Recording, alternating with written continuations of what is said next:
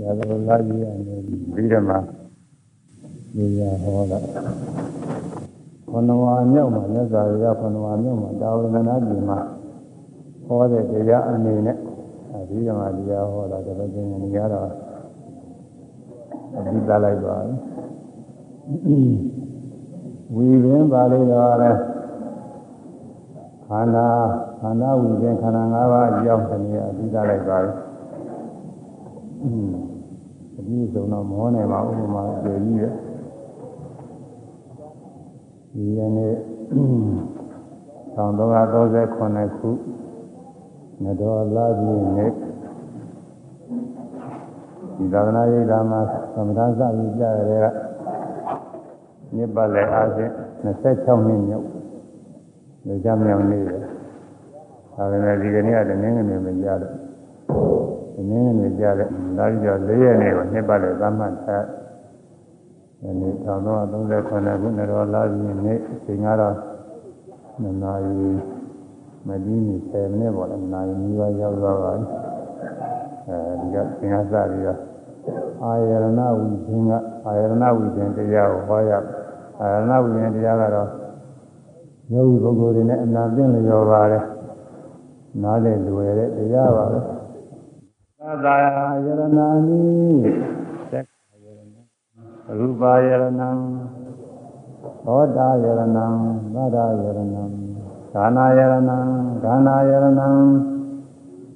ယေဝါယရဏံသာသာယရဏံကာယယရဏံဘုဒ္ဓဘာယရဏံမနာယရဏံဓမ္မယရဏံ ဒွါရသာ12ပါးကုန်သောအာယရဏာနိအာယရဏတို့သည်အာယရဏာနိစိတ်စေတသိက်တို့ဤဖြစ်ရာဖြစ်ကြောင်းတရားတို့သည်သံတိရှိကုန်၏အာယရဏဆိုစိတ်စေတသိက်တရားတွေရှိရာဌာနဒီကြောင့်တရားပဲအာယရဏစိတ်စေရှိရာစိတ်စေ စိတ်စေတရားရှိကြောင်းမှာစိတ်စေစိတ်စေစေတတရားတွေတရားတရားဆိုတဲ့ဖြစ်ရပါပဲစိတ်စေတရားရှိကြောင်းမှာမှတ်ပါအာယရဏအာယရဏဆိုတာစိတ်စေတဲ့တရားတော်ဤတရားဒီကြောင်းတရားတရားတရားဒီကြောင်းတရားလူတွေဟာ အိမ်မှာနေကြတယ်ရဟန်းတော်တွေကြောင်းပေါ်မှာတည်နေကြတယ်အဲ့ဒါလိုပဲစိတ်စေတဲ့တရားတွေကဒီအာရဏတွေပေါ်မှာဒီရတယ်လို့ဆိုရတယ်စိတ်စေတဲ့တရားတွေဒီအာရဏကိုအမိပြုပြီးပြရတော့အာရဏကအကြောင်းတရားပဲ စိတ်စေတရားစိတ်စေတရားဖြစ်ကြောင်းမှာမှတ်ပါအာရဏလို့ဆိုရမယ်စိတ်စေတရားဖြစ်ကြောင်းမှာမှတ်ပါအာရဏစိတ်စေတရားဖြစ်ကြောင်းမှာမတ္တအာယရဏစိတ်စေတရားဒီ ကြောင်းမှာမတ္တအာယရဏ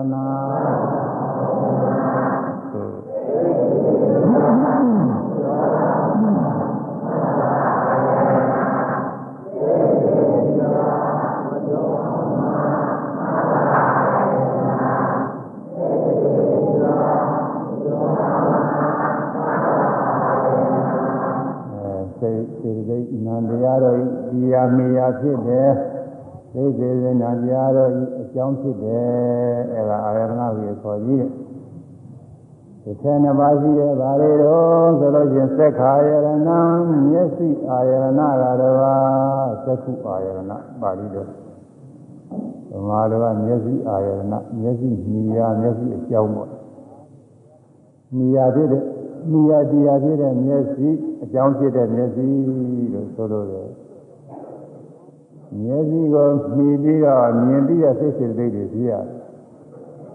မြင်ပြီးတဲ့စိတ်စေတသိက်ကမျက်စိမရှိရင်မဖြစ်နိုင်ဘူးမျက်စိရှိတဲ့ပုဂ္ဂိုလ်မှဖြစ်မျက်စိရှိတဲ့ပုဂ္ဂိုလ်မှာမျက်စိကလည်းဒီကပဲနေပြီးတော့ဖြစ်ဒီပြင်စိတ်ပိုင်းကနေပြီးမဖြစ်ဘူးကိုကြီးတို့ကိုယ်လုံးနှံပြနေရာပေါင်းတော့များစွာရှိတာပဲဒါပေမဲ့လို့ ဒီပြင်စိတ်တိုင်းတွေကမမြင်နိုင်ဘူးမျက်စိကမှမြင်နိုင်တယ်မျက်စိနှလုံးပိတ်ထားရင်မမြင်တော့ဘူးအဲမျက်စိ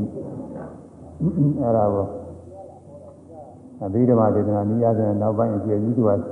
ဖွင့်ထားပါတယ်အဲ့ဒါလေးလည်းနည်းနည်းဘူးပြီးတော့ပြန်ထည့်ဟောမှာ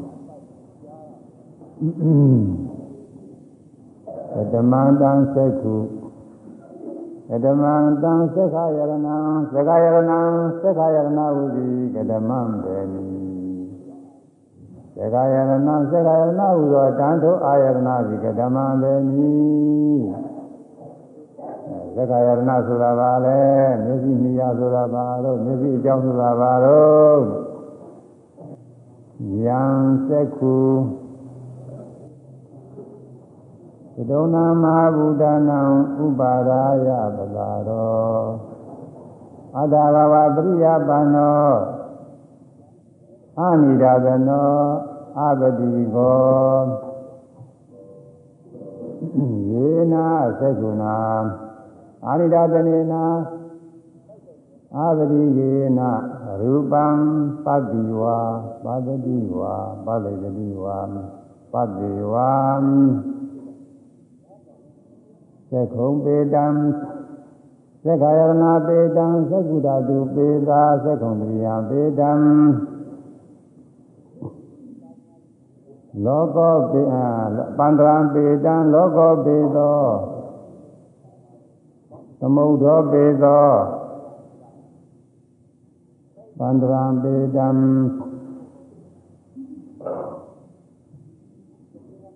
နိတ္တပေတံနယနပေတံ ဩရိမတိရံပေတံ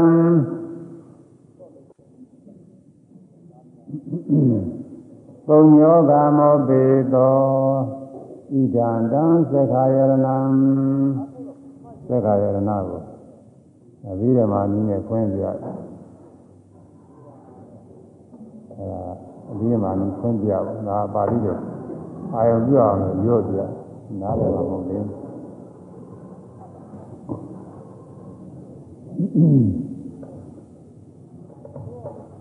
ယံသက္ခုအကျဉ်မျက်စိတွေသတုံနံ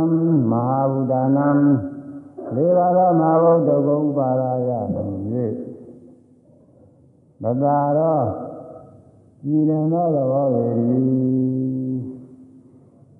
ဒါလေးပါးမြည်ပြုပြီးတော့ကြည်တဲ့သဘောဟာမျက်စိပဲ သေဟုပဒါရခေါ်တယ်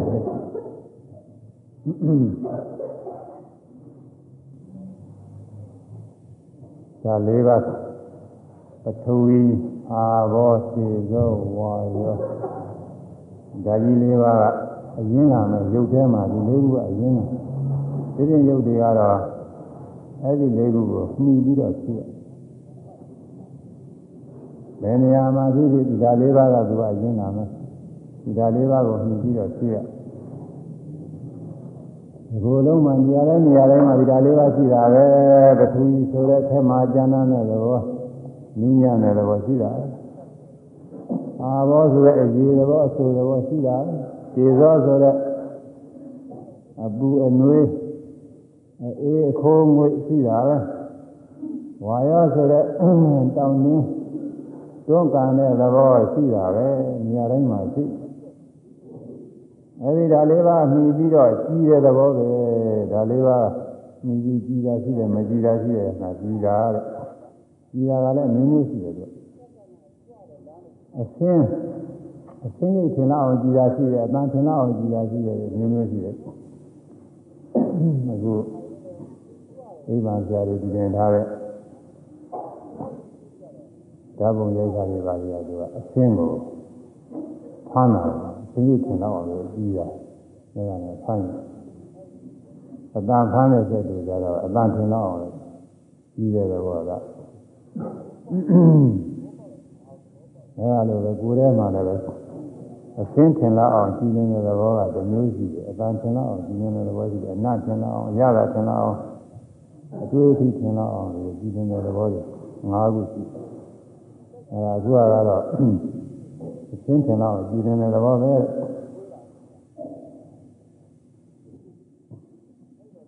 အတ္တဘာဝပရိယပန္နောအာရဘော၌တွင်ဝင်သည်အာရဘောအာရဘောဆိုတာကိုလို့ခေါ်ရတဲ့ယုံနာတရားတွေကိုအာရဘောလို့ခေါ်တယ်အတ္တအတ္တဘာဝအတ္တဖြစ်ကြောင်းတရားတွေအတ္တလို့ခေါ်ဆိုရတယ်ခေါ်ဆိုရခြင်းကြောင်းတရားတွေ ငါငါငါကိုအဲဒီလိုခေါ်ဆိုရခြင်းအကြောင်းတရားတွေတကယ်စင်ရတော့ငါလည်းမရှိဘူးငါကိုလည်းမရှိဘူးဘာလို့ရှိနေတာလဲယုံနာနှစ်ပါးရှိတာပဲအခုယောဂီပုဂ္ဂိုလ်တွေသမာဓိညာတော်တော်ကောင်းလာတဲ့ခါကျတော့ရှင်းမှယုံနေတာတွေ့ရတယ်ယုံနာနှစ်ပါးလို့တွေ့ရတယ်ပုဂ္ဂိုလ်သားတို့အကောင်းထဲမရှိဘူးอืมဒီမှာ တော့ဒီကငါဟုတ်တဲ့တုံးတော်ဘာတော်ဘာပဲမှကောင်းတယ်လို့ပြောတယ်သူကသိညာရောက်အတ္တကောင်ရှားမတယ်ဘူးစားတော့မှအတ္တကောင်ရှိနေတာပေါ့လေငါဆိုရှိနေတာသူများကငါမဟုတ်ဘူးဆိုရင်ငါဟုတ်နေတာတရားထုတ်ရတဲ့ပုဂ္ဂိုလ်တွေဟုတ်နေတာပဲတရားတော်အရာနဲ့ယုံနာနှစ်ပါးများကရှိတယ်ဖြစ်ပြနေတာကဖြစ်ပြနေတဲ့သဘောတရားများကရှိတယ်လို့ပြောနေနေတယ်လို့ တရားအမှထုတ်ရတဲ့ပုဂ္ဂိုလ်တွေကိုယ်ပိုင်ညာအတွင်းရှိတဲ့ပုဂ္ဂိုလ်တွေမှာအတ္တကောင်ကရှိနေတာပဲသက်ရှင်နေတဲ့ကောင်လေးရှိတယ်လို့သိနေရတယ်အမှန်ဉာဏ်ကောင်းလာတဲ့အခါဝိပဿနာဉာဏ်ကောင်းလာတဲ့အခါကျတော့ဒီအတ္တလေးပျောက်သွားတယ်အဲဒီနေ့အလုံးလုံးပါတော့ပဲသူကအင်းတွေ့ရှင်းလို့သူကပြောတာဘယ်မှအတ္တရဲ့ငါရဲ့လို့ဆွဲလန်းကြရမရှိတော့ ကိုယ်ကိုယ်ရဲ့လို့ဆွဲလန်းကြရမရှိတော့အခုအာထုံနေရတာဘယ်သူအတွက်အာထုရတာတော့ကိုယ်လည်းမရှိဘူးငါလည်းမရှိဘူးပုဂ္ဂိုလ်သတ္တဝါလည်းမရှိဘူးအဲယုံနာသဘောတရားများတာရှိနေတာဘယ်သူအတွက်အကျိုးများအောင်အာထုရတာတော့တော့ပထမစီကမေးရတယ်ဆိုတာတော့အမှဟန်ကြကြည့်လို့อืมအတ္တဘုံလုံးပြောက်ဒီပုဂ္ဂိုလ်တွေလည်းဒီလိုသူသူညာရှင်းကြောင်းရင်ဒီလိုပြောက်တာပါအတ္တမရှိဘူး မှတ်သိစရာအာယုံနဲ့မှတ်သိရဲ့စိတ်နာတရားသာရှိတာပဲဖောင်းနေဆိုရင်ဗိုက်ထဲကတောင်းနာတင်းနာတွန်းကန်နာနဲ့ဖောင်းတယ်လို့မှတ်သိလိုက်တာလေးနဲ့ဒါနဲ့ကိုရှိရုံနဲ့နှစ်ပါးပဲရှင်းပါဘူး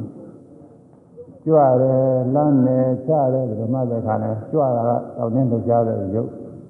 မှတ်သိတာကနာရုံနဲ့နာနှစ်ပါးရှိတာကြွတာလည်းအကောင်ရလို့ဆိုတာမရှိဘူး အဲဒီတော့မှတိုင်းမှတိုင်းမှတ်ရတဲ့အာယုံရုံနဲ့မှတ်ပြီးတဲ့စိတ်ဒါနဲ့ခုသာတွေ့နေတော့သူအတ္တကောင်ကြောက်နေတာကိုအတ္တဘယ်သူအကျိုးများအောင်လုပ်ရတာတော့မေးတယ်လို့ဆိုတာကတော်တော်ကောင်းတယ်ဒါအသိဉာဏ်ရှင်းတယ်ဒီတော့ဒီသမထဒါန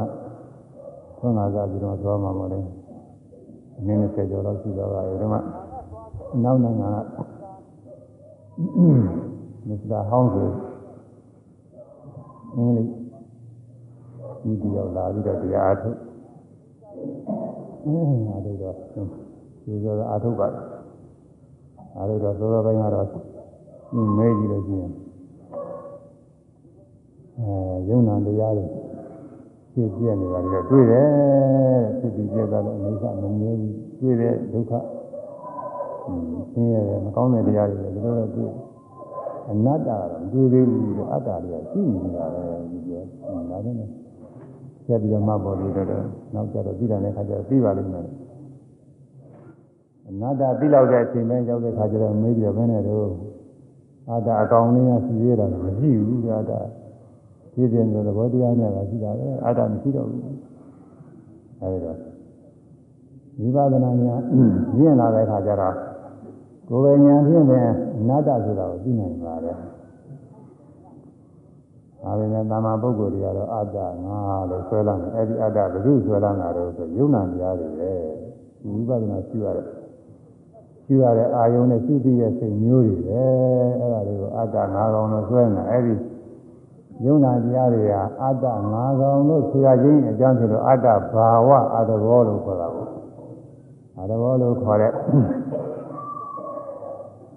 ဒီကိုကြီးထဲမှာတွင်းဝင်နေတယ်တဲ့မျက်စိကဒီလေဒီကတွင်းဝင်နေတာမျက်စိကအတ္တဘောဆိုတယ်ကိုယ်ကောင်လို့ခေါ်ရတဲ့ယုံနာအကျိုးဝေးတဲ့မှာအတွင်းဝင်နေတယ်တရားပဲမျက်စိနားနှာခေါင်းလျှာကိုယ်အတွင်းဝင်နေတရားတွေပဲဒီလိုတရားတွေလည်းပဲကိုယ်တွေကရှိတဲ့ယုံနာနေရာကြီးအာသဘောနဲ့အတွင်းဝင်လာပြီးတဲ့ပါတော့ဧသောအတ္တဘာဝ အတ္တကောင်ဟုဆိုရခြင်းအကြောင်းဖြစ်ပေ၏အာနိဒသနောမျက်စိဖြင့်မမြင်နိုင်ဘူးတဲ့ဒီသက္ကုပဒါရမျက်စိအကြည့်ရုပ်ကလေးကိုမျက်စိနဲ့မြင်နိုင်ဘူးအခုဒီညာမျက်စိတည်းကြည့်တော့ကြီးနေတာလေးတော့တွေ့ရတာပဲဒါလေးကသက္ကုပဒါရလားဆိုတော့ဒါလေးတော့မဟုတ်သေးဘူးသူကဒါကမြင်နေရတာ သူမမြင်ရဘူးတဲ့သက္ကုပဒါရကြည့်ုံနဲ့မမြင်ရအာနိဒသနောမမြင်နိုင်ဘူးမြင်နိုင်တာကယူပါယုံအချင်းကိုမြင်တာကိုသက္ကုဇာကမြင်လာမဟုတ်ဘူးဆိုအာတတိအာနိဒမနာသတတိကောထိပါဒသောသဘောရှိသည်ထိပါခြင်းနဲ့တကွဖြစ်သည်ရဲ့ထိပါဒတယ်တိုက်ခိုက်တတ်တယ်ဘာနဲ့တိုက်ခိုက်တတ်တယ် မျက်စိဆိုတော့အချင်းနဲ့ကြည့်တာပေါ့လေအချင်းကမျက်စိမှလာပြီးရှင်းတာပေါ့အတန်ကနားမှလာပြီးပြီးတော့သူတို့အချင်းချင်းထိပါဒတဲ့သဘောတော့ရှိတယ်အာနိယဒနေနာမြင်ရင်သဘောမရှိတော့သာဝတိယေနာရှိပါခြင်းသဘောရှိတော့ယေနာသက္ကုဏအခြင်းမျက်စိဖြင့်ရူပအခြင်းကိုပတ္တိဝအရှိကလည်းမြင်ခဲ့ပြီ ပတ္တိဝါယခုလည်းမြင်စေပတ္တိဝါနောက်ခါကာလလည်းမြင်မတန်သတိဝါကြောင့်ညွတ်သောခါကာလ၌လည်းမြင်ရ၏သက္ကုရရာရဲ့အစွမ်းတတ်ပြီးတော့ဝေဖန်ပြတယ်ယခုသာရမျက်စိရုပ်ဆိုတာလေးဟာတဲ့သူ့အကြောင်းပြုပြီးရှိကလည်းမြင်ခဲ့ပြီမြင်နေမြင်နေဆိုတာသူ့အကြောင်းပြုမြင်ခဲ့တာမြင်ခဲ့တာလည်းညားလာပြီပေါ့အရှင်မောင်းပဲဒီတော့နိုင်တော့မလို့ဒီပြောက်တယောက်မှမြင်ရတာလည်းညားလာပြီ မြင်ခဲ့ပြီတဲ့ယခုလည်းမြင်နေသေးပဲတဲ့အခုကြည့်နေတဲ့မြင်နေတာအဲဒါအသေးသေးကြီးရဲ့ပဲတစ်ခါမြင်လဲမျက်စိအပြည့်နောက်တစ်ခါမြင်လဲမျက်စိအပြည့်နောက်တစ်ခါမြင်လဲမျက်စိအပြည့်မြင်ရတဲ့အဆင်းတွေကလည်းအသေးသေးကြီးတယ်ပဲအဟောင်းမရှိဘူးအသေးသေးကြီးတယ်ပဲအဲဒါမြင်လည်းမြင်ခဲ့ပြီယခုလည်းမြင်ခဲ့တယ် မတိတ်တိဝါနောင်ခါ၌လည်းမြင်တဲ့တာနောင်ကြတော့လည်းမြင်မှာတဲ့နောင်ဆိုအခုမမြင်ရင်တော်တော်ကြာမြင်ပါလေအခုစကားပြောနေလို့မြင်တယ်ဟောနောက်တစ်ခွန်းပြောတဲ့အခါမှာဒါမြင်လက်တမယ်အရင်ကပြောအရင်ကနေပြီးတော့ပြောလို့ရှိရင်မြင်လက်တမယ်အဲမြင်ပါရဆက်ဆက်ပြီးတော့မြင်နေတာမြင်သေးမှဒိသုတ်ပါမြင်ပြီးသွားလို့ရှိရင်တိတ်မမြင်သေးခင်ကတော့အနာဂတ်ခေါ်တယ်မြင်လက်တန်ပသေဝ အကြောင်းညွတ်ရင်မြင်ရ၏မြင်မှုနည်းမြင်ရ၏အကြောင်းညွတ်ရင်မြင်ရအရှင်းတဲ့အကြောင်းနဲ့သုံးစည်းတဲ့အခါကျနှလုံးသွင်းလို့ရှိရင်ဒီမျက်စိစက္ကုပ္ပဒါရယုတ်လည်းကြားပြုပြီးတော့မြင်နိုင်မြင်နိုင်တယ်တဲ့မြင်ပါတဲ့ဒီနေ့လည်းမြင်နိုင်တယ်လက်ပြင်လည်းမြင်နိုင်တယ်မသေးခင်အတွင်းမြင်နိုင်တယ်ဒီဘဝကမှနောက်ဘဝလည်းမျက်စိကကျုံးမှာဟုတ်မျက်စိရှိတဲ့ဘဝဆိုအဲဒီစက္ကုပ္ပဒါရနဲ့မြင်နိုင်တယ် မျက်စိကတော့အသိကြည့်တယ်ပဲမြင်ရတဲ့စိတ်ကလည်းအသိပဲမြင်ပြီးတဲ့စိတ်ကလည်းအသိပဲအဲဒီလိုမြင်နိုင်တဲ့သဘောရှိပါတယ်တဲ့စက္ကုပ္ပဒါရသကုံပေတံဧတံဤသဘောသည်သကုံပြီးသက္ခုလည်းမြည်ရဲ့သက္ခုလည်းခေါ်ရတယ်ဧတံဤတော်သည်သက္ခာယရဏံပြီးသက္ခာယရဏလည်းခေါ်ရတယ်သက္ခာယရဏဆိုတော့ဒါပဲမျက်စိကြည့်သေးတယ် သက္ကုဓာတုပေတာဧတာဤတော်သည်သက္ကုဓာတုသက္ကုဓာတုပြီးသက္ကုဓာလည်းမြည်သက္ကုဓာဆိုတော့ဓာတ်ဆိုတော့သဘောကိုဓာတ်ဆိုလို့ရှိရင်ပုဂ္ဂိုလ်တ attva မဟုတ်ဘူးသဘောတရားပဲအဲသက္ကုရလည်းမြည်ရဲ့ဧတံဤတော်သည်သက္ကုံတရိယသက္ကုံတွေလည်းမြည်သက္ကုံတွေမျက်စိမြင်မှုအစိုးရတဲ့မျက်စိဆိုတာသူပဲ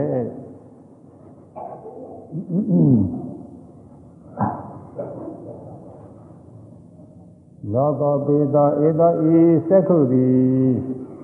လောကောပိလောကလည်းမြည်လောကလို့လည်းခေါ်ရတယ်လောကပြတ်တတ်တဲ့သဘောမျိုးလောကပဲဧသာဤသဘောသည် द्वार ာတိ द्वार လည်းမြည်ရဲ့တရားတော့ပဲအရှင်းနေဒီကနေပြီးဝင်လာတဲ့ อืมမြင်မြင်ပြီးတဲ့စိတ်ကဒီကနေထွက်တယ်မြင်ပြီးအခုအိမ်များကြောင်းများမှာတကားပေါက် အတွင်းကလူကထွက်အတွင်းကလူကဝင်အဲဒီလိုပဲခန္ဓာကိုယ်ထဲမှာအချင်းအာယုန်တွေမျက်စိကနေဝင်လာတယ်မြင်ပြီးတဲ့စိတ်ကဒီကနေပြီးထွက်နေတယ်ဒီကနေပြီးတော့မြင်ပြီးလာဒီတကားပိတ်ထားလို့ရှိရင်ဟောမမြင်ရဘူးနားကလည်းဒီတိုင်းပဲနှာခေါင်းကလည်းဒီတိုင်းလျှာကဒီတိုင်းပဲကိုကအတွေ့အထိတွေအဲနှလုံးစိတ်ကနေပြီးတော့လည်းစိတ်ကူးစဉ်းစားကြံနေမှုတွေထွက်နေတော့အာယုန်တွေဝင်နေတာ ဝင်ဆိုလဲတမင်ကဝင်လာတာဟုတ်ပါဘူးအာရုံပြုတာကိုပြောတာအဲဒါဒွါရတကားပေါက်လည်းမြည်ရဲ့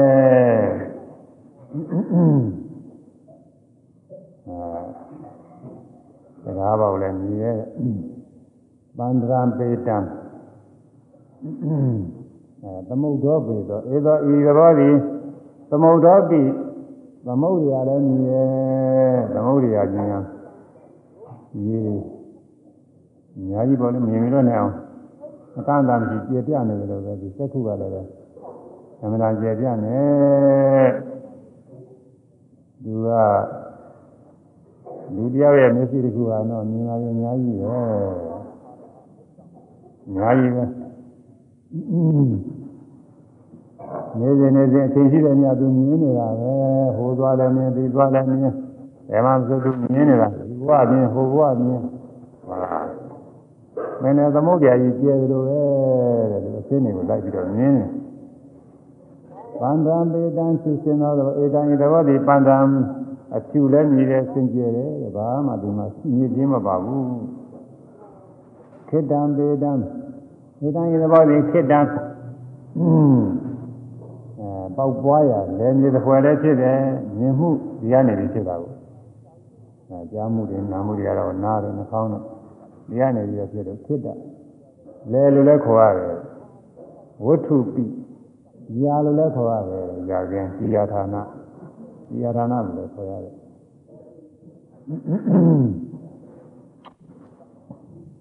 အဲဒါသက္ကုပတာကိုအကျယ်ဝေပါပြီးတော့ကြည့် နောက်ဆုံးကြတော့ဩရိမန်တီရံပိဒီဘက်ကန်းတစ်ဖွဲ့လည်းဖြစ်တယ်ဒီဘက်ကန်းပဲဟိုဘက်ကန်းတော့မဟုတ်သေးဘူးဟိုဘက်ကန်းကနိဗ္ဗာန်ကို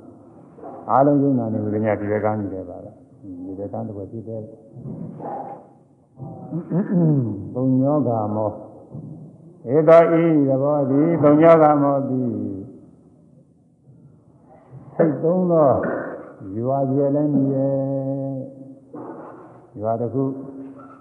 ဘေးရန်အန္တရာယ်ရှိတဲ့လူတွေနေနေလို့ဖွဲ့ပြီးတော့သွားကြလူမရှိဘူးအဲဒီလိုရွာမှာလူတယောက်ကရောက်လာတော့ဩရွာတော့ရောက်ပါအဲဒီရွာကဒီရွာထဲမှာ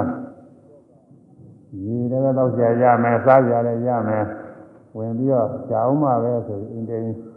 တက်ပြီးတော့ဘာမှမတွေ့ဘူးတဲ့လူလည်းမတွေ့ စားကြတော့ဆရာသုံးဆရာလည်းဘာမှမတွေ့ဘူးနောက်ရင်တင်တက်ကြည့်နောက်ရင်တင်တက်ကြည့်6ရင်ရှိတယ်ဆိုတော့မျက်စိနားနှာခေါင်းလျှာကိုယ်စိတ်အဲဒီဓဝရ6ခုဓဝရ6ပါးကိုရွာပြည့်နဲ့တူရဲ့ရွာပြည့်အိမ်အိမ်ရက်ပေါ့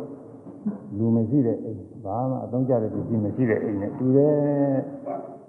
အဲလိုပဲဝိပဿနာရှိတဲ့ပုဂ္ဂိုလ်တွေ ဝိပဿနာဉာဏ်ရင်းလာတဲ့ခါကျတော့ဒီလဲဒီတိုင်းဟာ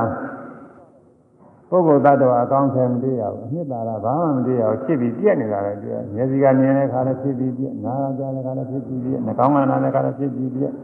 လျှာရတာပြီးတော့ဖြစ်ပြီးပြက်ကိုယ်ကတွေ့ထိတာလည်းဖြစ်ပြီးပြက်စိတ်ကူးစဉ်းစားကြံမှုတွေပေါ်လာတာတွေလည်းဖြစ်ပြီးပြက်ဘာမှအနှစ်သာရမရှိဘူးအစတုန်းကတော့သူအဟံသာဒီတိုင်းနေတာအတ္တအကောင်ကြီးဟုတ်နေတာ လူပုဂ္ဂိုလ်ကြီးလည်းဟုတ်နေရုပ်ကိုယ်ကြီးနဲ့ဒီရစိမ့်နဲ့အလဲရှင်နေတဲ့အကောင်ကြီးတကယ်ဟုတ်တာမဟုတ်ပါဘူးဆိုလို့တော့မရနိုင်ဘူးဟုတ်တယ်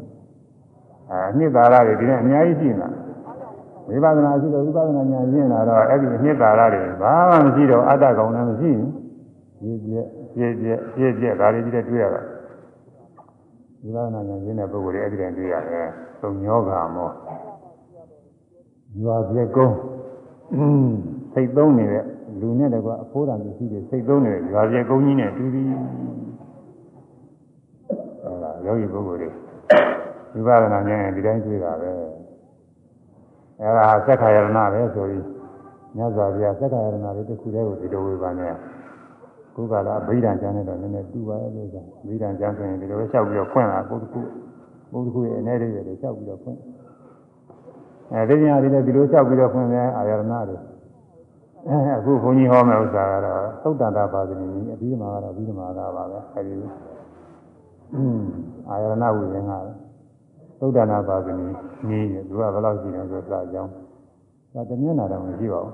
အဲဒါတော့ပဲသုတ်တန်တာပါဇနီကြီးကရှိတယ်ပြီးတော့ပါဇနီကြီးကတော့အကျေကြီးအများကြီးပဲဒါလည်းမဟောနိုင်ဘူးအဲဒါသက်ခာယရဏ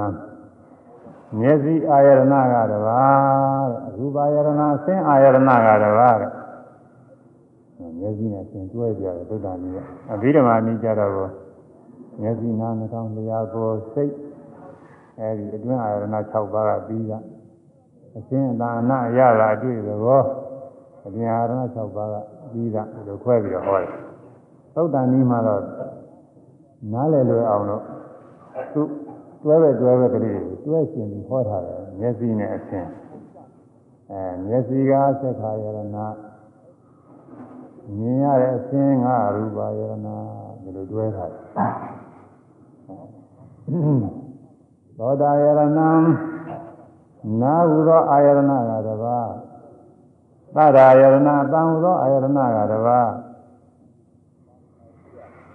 ခန္ဓာယရဏနှခေါင်းဟူသောအာယရဏကတပါခန္ဓာယရဏအနံ့ဟူသောအာယရဏကတပါ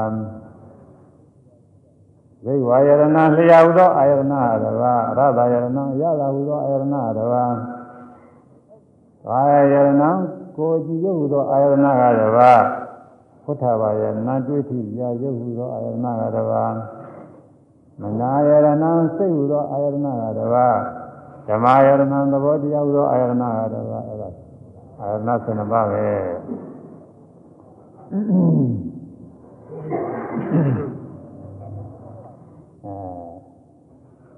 မျက်စိမျက်စိမျက်စိကိုသက္ကာယရဏကိုခေါ်သည်အရှင်းကိုရူပါယရဏကိုခေါ်သည်ကတို့မှတ်ပြီးတော့နည်းနည်းလေးတော့ဆူရအောင်ညင်လွယ်လွယ်ပါပဲမထက်ပါဘူးကွာကိုယ်ကိုယ်တည်းရှိနေတာကြားတာမှမဟုတ်ပဲမျက်စိကကိုယ်ကိုယ်တည်းရှိနေတာ မြင်ရတဲ့အချင်းဆိုလည်းကိုယ်ကိုယ်လည်းရှိတာမြင်နဲ့မြင်နေရသူများကိုယ်တော့ပါအဲသူကအတွဲလိုက်အတွဲလိုက်မျက်စိနဲ့အချင်းနားနဲ့အတန်နှာခေါင်းနဲ့အနံ့လျှာနဲ့ရတာကိုယ်နဲ့အတွေ့အထိစိတ်နှလုံးနဲ့သဘောတရားအစုံလိုက်အစုံလိုက်အဲ့ဒါလေးသွားမယ်မျက်စိကိုသက္ခာယရဏဟုခေါ်သည် မျက်စိကိုသက္ခယရဏဟုခေါ်သည်သက္ခယရဏပါဠိနည်းကသက္ခုနဲ့အာယရဏနဲ့ပြောလိုက်တော့သက္ခုကခုဆိုတဲ့ဥလေးကကြောက်သွားပြီးတော့အခကအာနဲ့ပြောလိုက်တော့သက္ခယရဏပြီးတော့ဗာဏိစတယ်လို့ခေါ်တယ်ဘုံတကူစသွားတယ်လို့သက္ခုအာယရဏလို့အပြည့်စုံမဆိုဘဲနဲ့သက္ခယရဏလို့ပေါင်းပြီးတော့ဓမ္မစကားတွေလည်းဒီလိုပေါင်းပေါင်းပြီးတော့သုံးတာတွေရှိပါတယ် အင်းဒီစကားတွေလည်းပေါင်းတယ်အများကြီးပဲဆင်ပြောလိုက်လို့ရှိရင်တစ်ခုနဲ့တစ်ခုနဲ့ပေါင်းတော့တယ်လို့ရားထဲမှာတရားတွေကြောက်သွားမျက်စိကိုသက္ခယရဏကိုခေါ်သည်သင်ကိုရူပယရဏကိုခေါ်သည်မျက်စိကိုသက္ခယရဏကိုခေါ်သည်သင်ကိုရူပယရဏကိုခေါ်သည် အဲမျက်စိနဲ့အစဉ်တစုံပြီးသွားမြင်တိုင်းမြင်တိုင်းဒါတွေမှတ်နေရတာပဲမြင်တယ်မြင်တယ်ဆိုသက်ခါယရဏဆိုရင်မျက်စိမှီပြီးတော့မြင်ပြီးတာလည်းဖြစ်မြင်တဲ့ခါကလာလည်းအရှင်းကိုမြင်ရတာကိုအရှင်းမှီကြည့်ရင်အရှင်းမရှိရင်မမြင်နိုင်ဘူးမြင်သိမှုဆိုတဲ့သိစေတွေတရားတွေမျက်စိလည်းရှိမှမြင်ရတဲ့အရှင်းလည်းရှိမှမြင်သိမှုဖြစ်တယ်အဲဒါကြောင့် မျက်စိကိုလည်းအာယရဏလို့ဆိုရတယ်အာယရဏမိယာတရားအကြောင်းပဲအသင်းကလည်းပဲမြင်ပြီးမှုရင်မိယာတရားအကြောင်းပဲမျက်စိမရှိရင်မြင်ပြီးမှုမဖြစ်နိုင်ဘူးမြင်စရာအသင်းမရှိရင်လည်းမြင်ပြီးမှုမဖြစ်နိုင်ဘူးအဲတော့မျက်စိနဲ့အသင်းကမြင်သိမှုတရားမိယာအကြောင်းဖြစ်လို့သူတို့အာယရဏဟုခေါ်သည်မျက်စိကိုသက်ခာယရဏအသင်းကိုရူပါယရဏဟုခေါ်သည် မျက်စိကိုသက်ခာယရဏဟုခေါ်သည်အသင်းကိုရူပါယရဏဟုခေါ်သည်မမိတော့ပါဘူးတော့ဆိုတော့သက်ခာယရဏရူပါယရဏလဲပါရဲ့ဆိုတာဒီလိုစီးချင်းပြောစီးချင်းမှတော့လွယ်မျက်စိနဲ့အရှင်တွဲရပဲသို့သောတစ်ခုရှိတာသက်ခာယရဏတဲ့ ရူပါယရဏတဲ့ဆိုပါဠိဝါဟာရတွေကတော့ကျတော့မေ့သွားတယ်နော်။อืมအဲ့ဒါတော့မတတ်နိုင်ဘူးဒါတော့ပြည့်တယ်မှာဆိုရ။မျက်စိအကြောင်းအဆင်းအကြောင်းလို့ဆိုတော့မေ့မှာမဟုတ်ဘူး။အဲသက်ခာယရဏဆိုတာမျက်စိအကြောင်းပဲ။ရူပါယရဏဆိုတာကလည်းအဆင်းအကြောင်းဘယ်သူအကြောင်းလို့ဆိုမြင်သိမှုရဲ့အကြောင်းမြင်သိမှုက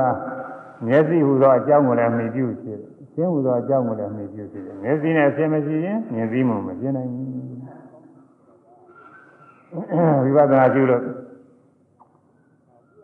သမာဓိနဲ့တော့အားကောင်းလာတဲ့ခါကျတော့ဒီအကြောင်းကျိုးလေးတွေလည်းပဲသဘောကျပြီးပြီးတာပါပဲမြင်တယ်မှတ်ရင်อืมမျက်စိရှိလို့မြင်တာပဲမျက်စိမရှိရင်မမြင်နိုင်ဘူးမြင်ကြအရှင်းရှိလို့မြင်တာပဲမြင်ကြအရှင်းမရှိရင်မမြင်နိုင်ဘူး မျက်စိနဲ့အရှင်းကအကြောင်းပဲမြင်ပြီးတာကအကျိုးပဲမျက်စိနဲ့အရှင်းကလည်းပုဂ္ဂိုလ်သတ္တဝါမဟုတ်မြင်ပြီးတာကလည်းပုဂ္ဂိုလ်သတ္တဝါမဟုတ်သဘောတရားများပဲအကြောင်းနဲ့အကျိုးပဲအဲ့ဒါလေးကိုခွဲခြားသိရတာကတော့ပုဂ္ဂိုလ်နဲ့ပုဂ္ဂိုလ်နဲ့ဒီလောက်နည်းနည်းနည်းနည်းသိဖို့ကတော့မလွယ်ဘူးဉာဏ်ထက်တဲ့ပုဂ္ဂိုလ်တွေအဲ့ဒီလိုသိတယ်မြင်တယ်ဆိုတော့ဩမျက်စိရှိလို့မြင်တာပဲမြင်ကြအရှင်းရှိလို့မြင်တာပဲ မျက်စိနဲ့အရှင်းကအကြောင်းပဲမြင်ပြီးတာကအကျိုးပဲအကြောင်းနဲ့အကျိုးမျှတာရှိတဲ့ပုဂ္ဂိုလ်သတ္တဝါမရှိအဲဒီလိုသိရမှာပါညာဆက်တဲ့ပုဂ္ဂိုလ်တွေမှာသိနိုင်တယ်သာမတလည်းသိနိုင်တာပဲသာတတဲ့ပုဂ္ဂိုလ်တော့ပြောကြတယ်သာတတဲ့ပုဂ္ဂိုလ်အစရတယ်သူကသဘောပေါက်နားလည်တာမညာနားလည်ထားပြီးတာတရားအထုတ်သိရှိမှတဲ့အခါကျတော့အဲဒီမျက်စိထဲမှာအရှင်းရောက်လာပြီးတော့ မြင်သိမှုလေးဖြစ်သွားတာလေးကိုမှတ်လိုက်တဲ့အခါကလားမျက်စိနဲ့အရှင်းရှိလို့မြင်သိမှုဖြစ်တယ်ဆိုတာလက်တွေ့အားဖြင့်ပြီးနောက်နားနဲ့အတန်ဒါတွေကသဘောတူသွားပါပြီနားရှိလို့လည်းကြားသိမှုဖြစ်တယ်အတန်ရှိလို့လည်းကြားသိမှုဖြစ်တယ်နားမရှိရင်မကြားနိုင်ဘူးဒီကုလုံးမှာနားရတာတန်ကိုကြားသိနေရသိချင်းစိတ်တိုင်းကဘယ်မှကြားနိုင်ဘူး အတန်ကိုလည်းပဲနားနေမှာပဲသိတယ်သိချင်းညာမသိနိုင်ဘူးအတန်မရှိရင်လည်းဒီနားကနားထောင်လို့ဘာမှမကြားနိုင်ဘူးအတန်ရှိမှာပဲအတန်ကိုမြည်ပြုပြီးကြားသိမှုရှိရတယ်ဒါကြောင့်နားလည်းပဲကြားသိမှုရဲ့အကြောင်းဖြစ်လို့အာယရဏပဲအတန်လည်းပဲကြားသိမှုအကြောင်းပြုလို့အာယရဏပဲနာကိုတော့ပါဠိတော်က သောတာယရဏတဲ့သောတာနဲ့အာယရဏနဲ့တွဲတာနာအာယရဏနာအကြောင်းပါပဲသမာလို့ဆိုရင်နာအကြောင်းလားอืมအတန်တော့ကိုသတ္တာယရဏသတ္တာကအတန်ကိုအာယရဏအကြောင်းအတန်အကြောင်းပါပဲကြားသိမှုအကြောင်းအဲဆိုရမယ်နာယုတ်ကိုသောတာယရဏဟုခေါ်သည် အတန်ယုတ်ကိုသတ္တယရဏဟုခေါ်သည်နာယုတ်ကိုသောတာယရဏဟုခေါ်သည်အတန်ယုတ်ကိုသတ္တယရဏဟုခေါ်သည်နာယုတ်ကိုသောတာယရဏဟုခေါ်သည်တန်ယုတ်ကိုသာရယနာဟုခေါ်သည်အဲ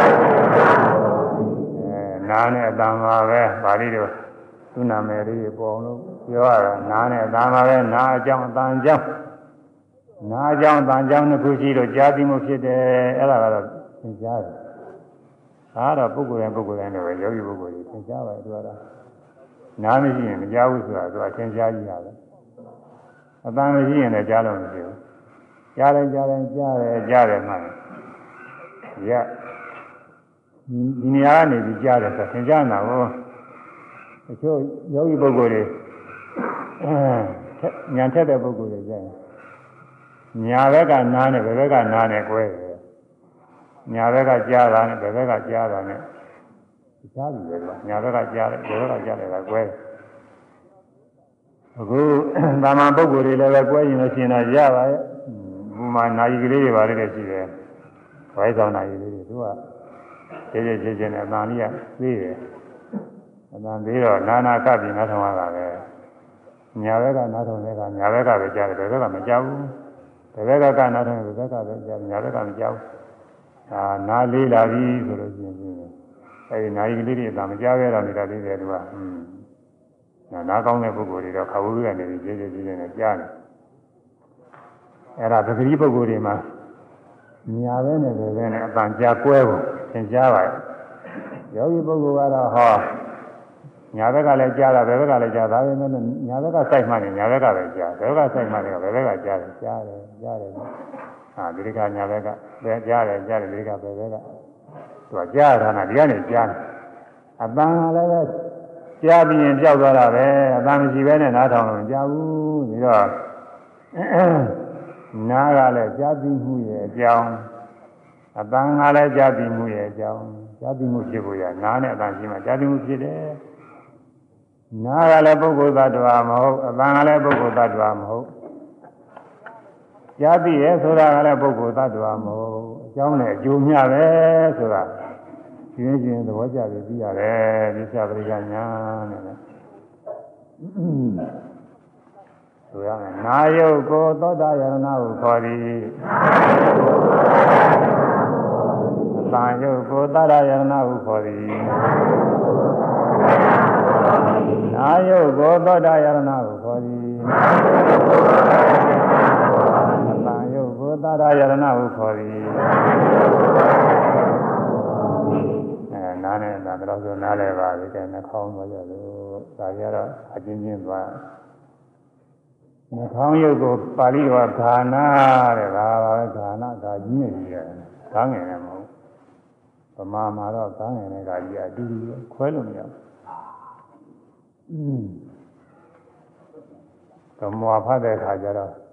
ဂာငယ်နဲ့ဂါကြီးကွဲအောင်လို့ဂါကြီးကဓနိဒခေါ်တယ်ဂာငယ်ကဣတိဒခေါ်တယ်ဣတိဒဆိုတော့ညညနေပေါ့ဓနိဒဆိုတော့ပြင်းအဲပြင်းတယ်အင်းပြင်းတဲ့အပံကြားတဲ့အပံဓနိဒ အဲကြားတဲ့အပံကြည့်အောင်လို့ဥနာတုမေဗန္ဒေတံဂောရုပ်ကိုယ်တော်သိပြီးတော့អော်တာကอืมရုပ်ကပြောကြတယ်ကမောအဲကမောဖတ်တဲ့ဥစ္စာအသာအပြင်းဆုံးပဲဆိုတာဟုတ်တယ်ကအပြင်းဆုံးပဲဆိုတာဗမာကားငယ်နဲ့ကာကြီးမကွဲလို့ကွဲအောင်လို့သူကဖတ်ရအမှန်ကတော့ဒါတော့ပြင်းမှုရတာမဟုတ်ပါဘူးသူကကားငယ်နဲ့ကာကြီးကတော့နည်းနည်းလေးကွဲ ကာကြီးနဲ့ခါကွဲကွဲတော့ကခကနဲ့ခါတော့သူကွဲဒါတော့ပြင်းနေရုပ်ဆိုတော့မလို့ပါကခကွဲနေတာကားငယ်နဲ့ကာကြီးရတယ်ခါငယ်ကတော့ခါဘယ်လောက်ပဲကာကြီးကတော့ခါဆိုပြီးတော့နောက်ကဟာလာလေးတော့ပါတယ်ခအဲဒီလိုပါပဲနာတုမေဗန္တိသံခောအဲအဲဒီလိုအတန်လေးထွက်ရအင်းအိန္ဒိယက ပကဒမှာပါဠိနဲ့အတူတူပါပဲအတူပါပဲကျွဲပြရတော့ကွဲတယ်အတန်တူတူအတူအဒီဥစ္စာကြီး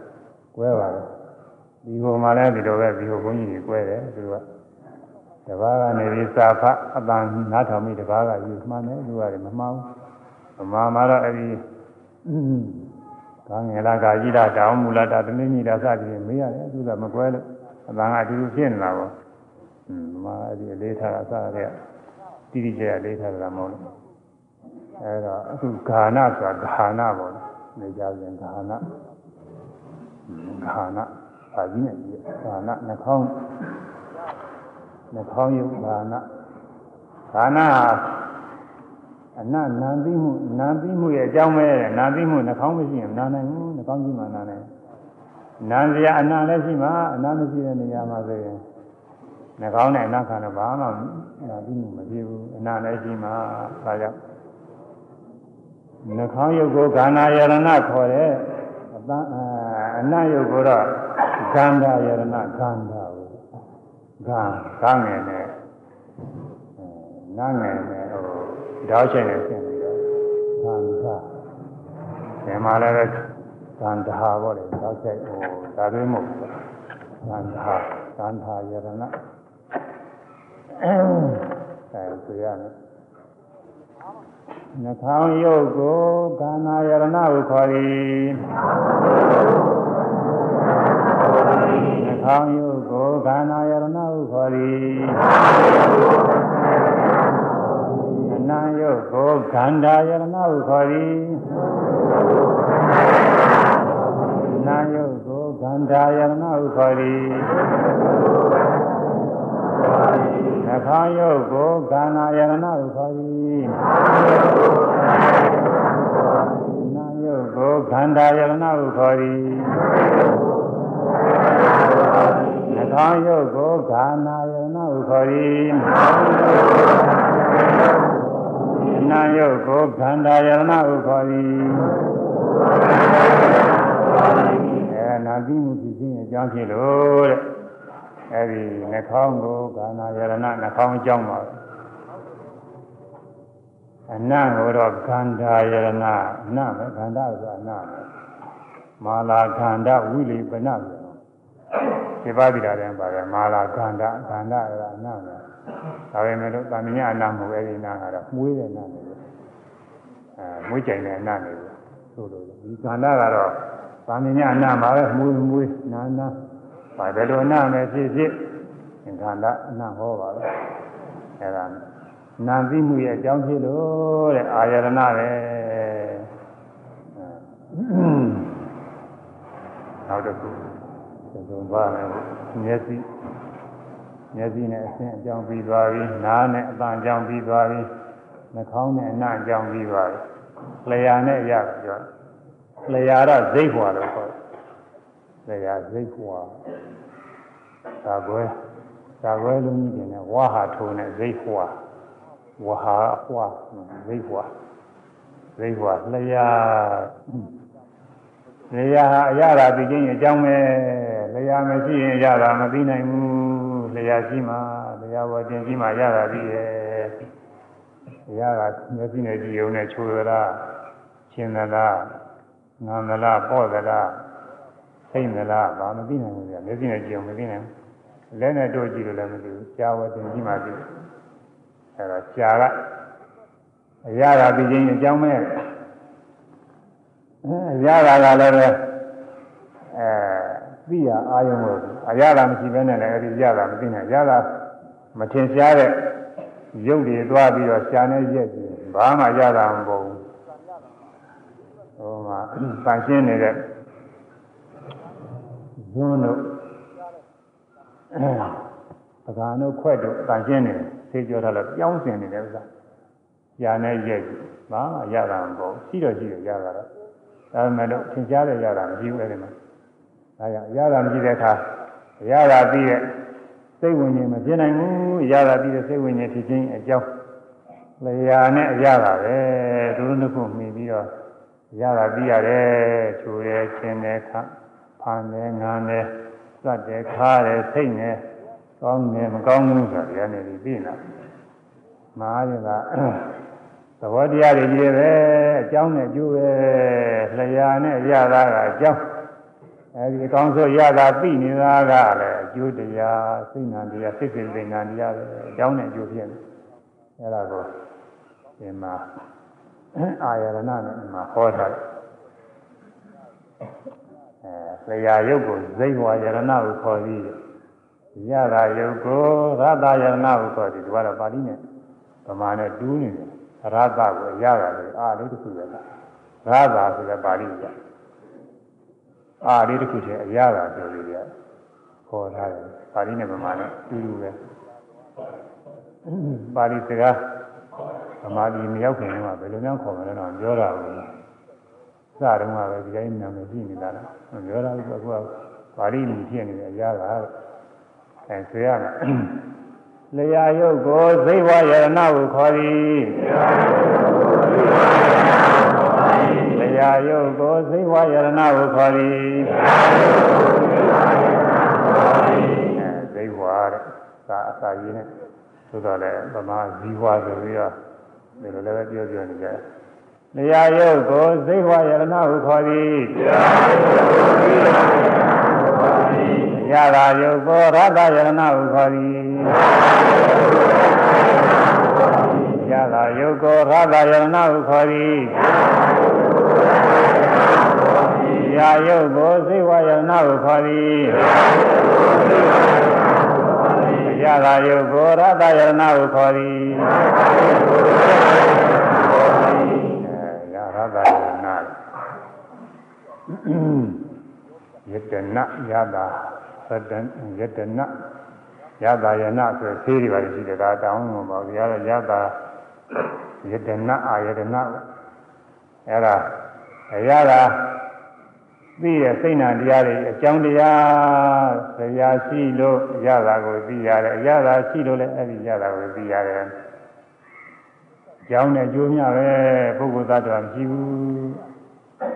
ဒါအမှကောင်းတဲ့ပုဂ္ဂိုလ်တွေစာရင်တော်ရင်မှတ်နေတာလေးအထင်ရှားတယ် တရားနေပြီးရတာဘုရားဘောကနေရတာပေါ်နေအဲရတာလေးရှိတော့ရတာသိမှုလေးတွေသိမှုလေးတွေသိပြီးပြောင်းနေတာပုဂ္ဂိုလ်သတ္တဝါမရှိဘူးအဲဒါကတစုံအာရဏတစုံပြီးသွားတယ်ကာယယရဏနဲ့ဖုထဘာယရဏကာယယရဏကာယကိုကြည်ယုတ်မျက်စိကြည်တာနားကြည်တာတော့ပဲအတွေ့အထိတွေထင်လောက်အောင်လို့ကိုကြည်ယုတ် ကိုအကောင်ထဲကြီးမဟုတ်ဘူးလားကိုကြည်ယုတ်ကိုထဲမှာနေရာနှံပြမှာရှိဒီလူကျမ်းတွေကတော့ဒီဥစ္စာကိုတဆဆိုပြီးတော့သုံးတာလေတဆအရေးကွန်အရေးကွန်နာမည်နဲ့ပြောတာကာယပဒါရယုတ်ကိုပြောတဆဆိုပြီးသုံးတယ်ဘုရားကျမ်းစာတွေမှာတော့ကာယနဲ့သုံးတယ်ကာယ အဲကာယနဲ့သုံးရင်တော့အကောင်းထည်ကြီးပြောတာမဟုတ်ဘူးဘုံမှာလည်းတဆသုံးမယ်လေရေကုန်လေးပြောတာလည်းမဟုတ်ဘူးကာယပဒါရယုတ်ကိုပဲပြောတာအဲဒါကိုယ်ကြည်ယုတ်ကိုယ်ကြည်ယုတ်ကိုကာယပဒါရကိုခေါ်သည်အဲကိုယ်ကြည်ယုတ်ကိုကာယယရဏကိုခေါ်သည်ကာယပဒါရပါဠိတော်ကာယပဒါရဗမာလိုတော့ကိုယ်ကြည်ယုတ်ကိုယ်ယုတ်လို့လည်းပြောရပါတယ်ကိုယ်ယုတ်ဆိုတော့အကောင်းထည်ကြီးဒီကိုယ်လုံးလို့စိတ်ကထင်သွားတာပဲအဲဒီတော့တော့မဟုတ်ဘူးရည်ရွယ်ချက်အားလျော်တာကိုယ်ရုပ်ဆိုလည်းကာသရာပဲ ကိုယ်ကြည်ရုပ်ဆိုရင်တော့ဒါပြီးတော့ထင်ရှားတာပေါ့အဲဒါကိုယ်တစ်ကိုယ်လုံးမှာအတွေ့အထိကိုဖမ်းယူနိုင်တဲ့အကြည်ရုပ်တစ်မျိုးပဲနေရာတကာမှာရှိတယ်အဖျားလေးတနေရာတော့လွတ်တဲ့နေရာမရှိဘူးကိုယ်ထဲမှာဘယ်နာအဖြစ်တွေတို့ကြည့်သိတာအထိအထိသိတာကောင်းသောအထိမကောင်းသောအထိထိကြည့်လို့ရှိရင်ဘယ်နာအားဖြင့်သိတာပဲဒီအသားသွေးတွေ ကောင်းနေတဲ့နေရာဆိုရင်ကာသရာနေရာတိုင်းမှာရှိတယ်ကိုကြည့်ရှိတယ်အသားသွေးတွေပြည့်နေတဲ့နေရာအသားတွေထုံးနေတဲ့ပါအဲဒီလိုနေရာတော့မရှိဘူးလက်သေးတို့ဘာလို့ဟိုမှာဗျာဟို၆နေတဲ့နေရာတွေရှိတာပါဗျာသားနေဒီဒီမဲ့ထွက်အဲ့ဒီမှာမရှိဘူးသပင်မှာလည်းပဲခေါင်းကနေဒီဒီမဲ့ထွက်နေတဲ့သပင်တွေမှာမရှိဘူးဒါကြောင့်အဲ့ဒီသပင်တွေကိုကာကြီးနဲ့ဗာနဲ့ကြိုက်ချလိုက်တယ်လည်းသူနာမမနာပဲဟာမရှိဘူးသူကအဲ့ဒီထဲမှာမရှိဘူးသကာရမရှိဘူးအဲကိုနဲ့ အသားသွေးသိုးနေတာနဲ့ဇာတဲ့ရှိနေတဲ့နေရာမှာအကုန်လုံးကိုကြည့်ရရှိတယ်ဘယ်နေရာကကြွေးထိဘယ်နေရာကထိထိအဲထိပြီးလေးဖမ်းယူတာပဲသူကအကိုကိုကြည်ရုပ်ကိုကာယပဒါရကိုခေါ်ပြီးကိုကြည်ရုပ်ကိုကာယရဏကိုခေါ်တယ်တွေးထိစီရာအတွေ့အထိရဖုထဘာဆိုတာပါဠိတော်ကဖုထဘာ တွေ့ထိအပ်သည်တွေ့အပ်သည်ထိအပ်သည်တွေ့ထိစရာလို့အဓိပ္ပာယ်ရပါတယ်တွေ့ထိအပ်တွေ့ထိကအတွေ့အထိခံတရားတွေတွေ့ထိစရာတရားတွေ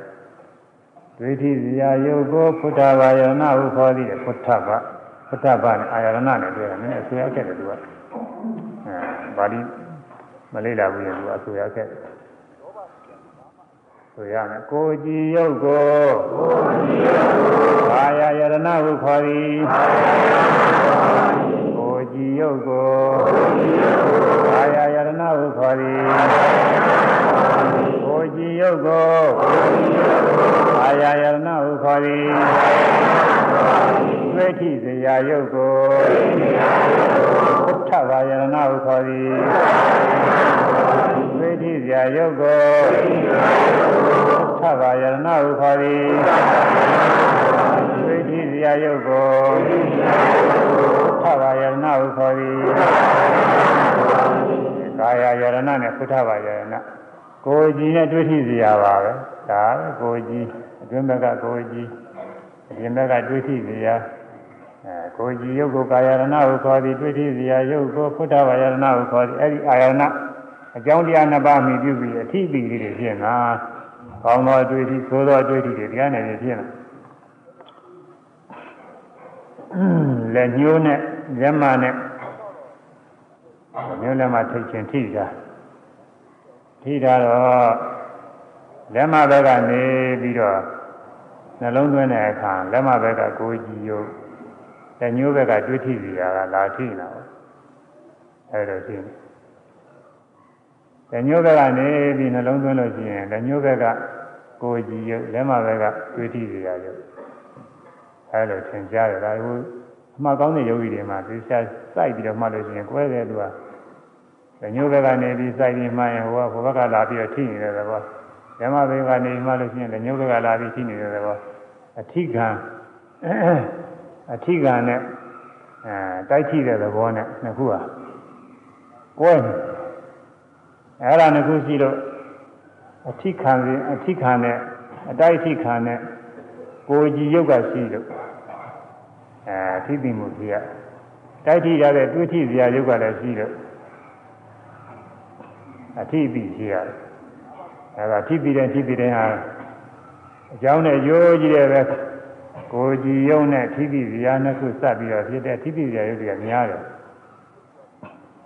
အဲမြင်ပြီးရာကအရှင်းတစ်မျိုးတည်းပဲအရှင်းတစ်မျိုးတည်းဆိုရင်တော့အရှင်းတွေကလည်းခွဲလိုက်ရင်တော့အများကြီးပါလေကွာအယောင်မျိုးမျိုးနဲ့ခွဲရင်အယောင်တွေကအများကြီးရှိတာပဲသွေးရောင်တွေပုံသဏ္ဍာန်နေနဲ့ခွဲရင်လည်းပုံသဏ္ဍာန်နေအများကြီးပဲဒီထဲမှာပါဠိတော်မှာပုံသဏ္ဍာန်နေနဲ့အရှင်းကိုဝေဖန်ထားတယ်ပုံသဏ္ဍာန်နေနဲ့သူကအဲလေးမြောင်ဘုံနဲ့6မြောင်ဘုံနဲ့အရှင်းမြောင်ဘုံနဲ့ အကြီးအငယ်အနှိမ့်အမြင့်အဲ့ဒါတွေကအဆင်းကြီးတွေပဲလေသူကအရူပါယရဏကြီးတွေပဲအခုမြင်ရတယ်အဲ့ဒီတိုင်းပဲမြင်နေတာလေပြီးတော့အယောင်ကြီးလည်းမျိုးမျိုးနီလာပိတာလောဟိတဩရာဒအဲ့ဒါတွေအဆင်းနေတဲ့ဟုတ်ဟုတ်တာပဲသူအဆင်းနေပဲအယောင်ကကွဲတာအဆင်းတော့ဟုတ်တယ်မြင်ရတဲ့သဘောကြီးတယ်ပဲပေါ့နော်အဲ့ဒါအဆင်းလည်းပဲမျိုးမျိုးပါအတန်လည်းပဲမျိုးမျိုးရှိတယ်ဒါနဲ့အတန်ကြတော့သိမခွဲနိုင်ဘူးအတန်ကြတော့အဲအတန်ကြီးတယ်ငယ်တယ် သူ့ကြတယ်อืมသေးတယ်ဒါတော့ပဲပြောနေတယ်အတန်ကြတော့သိမခွဲနိုင်အနတ်ကြတော့လည်းကောင်းတဲ့အနတ်နဲ့မကောင်းတဲ့အနတ်အဲကောင်းတဲ့အနတ်မှလည်းပဲခါမှပြီးတော့ပြောရတာပါဘာနာနဲ့တူတယ်ဘာနာနဲ့တူတယ်ဒီလိုပြောသိပြီးတော့အမိနာမသိမရှိဘူးအရာကကြတော့အရာကတော့သူကအမျိုးကွဲတယ်သူကအချိုးချင်းစပါငံခါအစိတ်အဲသူကအမျိုးတွေတော်တော်ကွဲ အတွေ့အထိကြတော့မူလကိုကအတွေ့အထိယုတ်ကသူကသုံးခုရှိတယ်ပထဝီခေါ်တဲ့အတွေ့အထိကတခုသေဇောအတွေ့အထိကတခုဝါယောအတွေ့အထိကတခုသုံးခုရှိတယ်ပထဝီအတွေ့အထိကခက်မှကျမ်းမ်းတဲ့သဘောနူးညံ့တဲ့သဘောဟာပထဝီအတွေ့အထိပဲကိုယ်ကိုယ်ထဲမှာလက်နဲ့စမ်းသပ်ကြည့်ခက်မှတဲ့နေရာချင်းတွေ့ရင်ပထဝီပဲကျမ်းမ်းတဲ့နေရာချင်းတွေ့ရင်လည်းပထဝီပဲ နူးညံ့တဲ့နေရာချင်းတွေ့ရင်လည်းပထဝီပဲချောညက်တဲ့နေရာချင်းတွေ့ရင်လည်းပထဝီပဲဒါပေမဲ့လို့သဘောအဖြစ်တော့ကိုပထဝီဆိုတာကက်ခလကျမ်းတဲ့သဘောပဲသူကကျမ်းတယ်တဲ့ဒီညုတ်တင်နေဆိုင်သူကကျမ်းတယ်ဟုတ်တယ်သို့တော်လည်းသူအချင်းချင်းကြတော့သူ့ရဲ့ကျမ်းစာတွေနဲ့စကြည့်ရင်နုတာပေါ့လေဥပမာဝါကောဆိုလို့ရှိရင်ဒီပြင်ရာဝတ္ထုနဲ့စာရင်ဝါကုန်းကနုတာပေါ့ဝါကုန်းကဝါကုန်းကကို အဲလက်တို့ကိုတို့မှလာပြီးတော့ပို့တိုက်ကြည့်ရင်နူးညံ့တာပဲဝါကုန်းကနူးညံ့တယ်သူ့ရဲ့ကျမ်းနာတဲ့အတွေ့အထိတွေနဲ့နိုင်စားကြည့်ရင်သူကနူးညံ့ဒါပေမဲ့လည်းဝါကုန်းမျက်စိသွားထိရင်တော့စိတ်ကျမ်းတာပဲမခံနိုင်ဘူးမျက်စိကြတော့မျက်စိညာအမှန်တရားသိနေမှုအမှုန်လေးမျက်စိထဲဝင်ရင်ကိုဒုက္ခပဲမခံနိုင်ဘူးလေအဲတော့နူးညံ့တဲ့ကိုကြည်ရုပ်သွားထိလို့ရှိရင်တော့ခံနိုင်ဘူးကျမ်းတယ် အဲဒါကြောင့်ပထဝီရဆိုတာဘယ်လိုနူးညံ့တယ်ဆိုရင်မှဆိုရင်မယ်လို့စင်စင်အားဖြင့်တော့ကျမ်းတဲ့သဘောကက်ခလလက္ခဏာရှိတယ်ကျမ်းတဲ့သဘောရှိပါတယ်ဒါပေမဲ့လို့အများကြီးအားဖြင့်တော့ကျမ်းနာနာနူးညံ့တာချောညက်တာအဲဒါပထဝီတွေးကြီးတယ်ပဲကိုယ်ထဲမှာစမ်းသပ်ကြည့်မစမ်းသပ်ဘဲနဲ့ကိုယ်ထဲမှာစိုက်ကြည့်ကျမ်းနာတဲ့နေရာမှာသင်ရှားတဲ့ပထဝီရပဲ နူးညံ့တဲ့နေရာမှာသင်ရှားတဲ့ပထဝီရပဲချောညက်တဲ့နေရာမှာသင်ရှားတဲ့ပထဝီရပဲအဲအဲဒါအထူကြီးတွေးထိအမျိုးမျိုးကွဲနေဒီသောအတွေ့အထိဒီသောကလည်းပူတယ်အုံနတ္တလက္ခဏာအပူဟာသူ့သဘောပဲဒါပေမဲ့လို့အပူနှမျိုးမှာတစ်မျိုးကညာညာပူနေကျောကနည်းနည်းပူလို့ရှိရင်နည်းနည်းပူတာအေးတယ်လို့ရှင်းရတယ်ပူတာကို စမ်းသပ်ပြီးတော့ဟိုသူ့လောက်မပူတာစမ်းသပ်ရင်အေးအဲအေးတာကိုစမ်းပြီးတော့ပူဇော်စားနိုင်ရင်လည်းပူးနေအေးနဲ့ပူကွဲကြဒါပေမဲ့လို့ပူဇော်သဘောကြီးရပါပဲ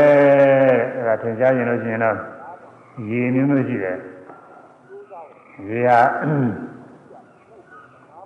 ဒီတိုင်းဆိုတော့ရေဆိုတာအေးတာပဲအေးတာပဲနေဘူးတဲကနေပြီးရေရေလေး လောင်းလိုက်လို့ရှိရင်ကိုယ်ပေါ်မှာအေးသွားတာပဲအဲအဲ့ဒီရေဟာနေထဲမှာထားတဲ့ရေနဲ့နေဘူးတန်းထားတဲ့ရေမတူဘူးနေထန်းထားတဲ့ရေကသူ့သူ့တဲ့အေးနေထဲကရေ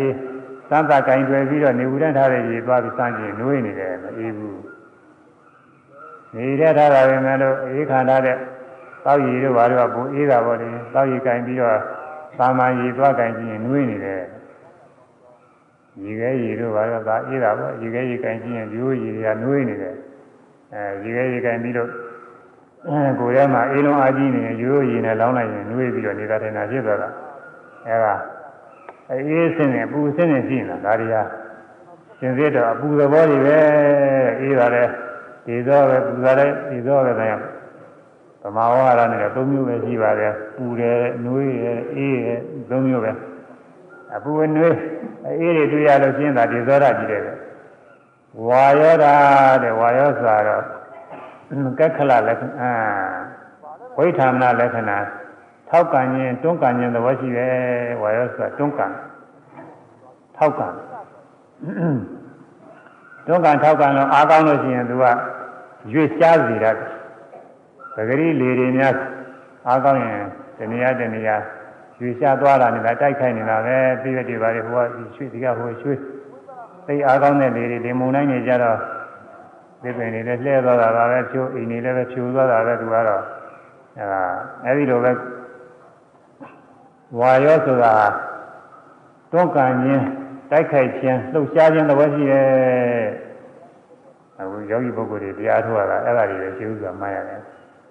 နောက်ဆိုဘုရားပဋိသင်္ပါဠိတော်ဟောထားတာဒါဟောထားတာပဲ။သစ္ဆံတော်ဝါသွားသည်ရှိတော်လဲသစ္စာမိတိသွားသည်ဟူ၍ပဇာနာတိသိ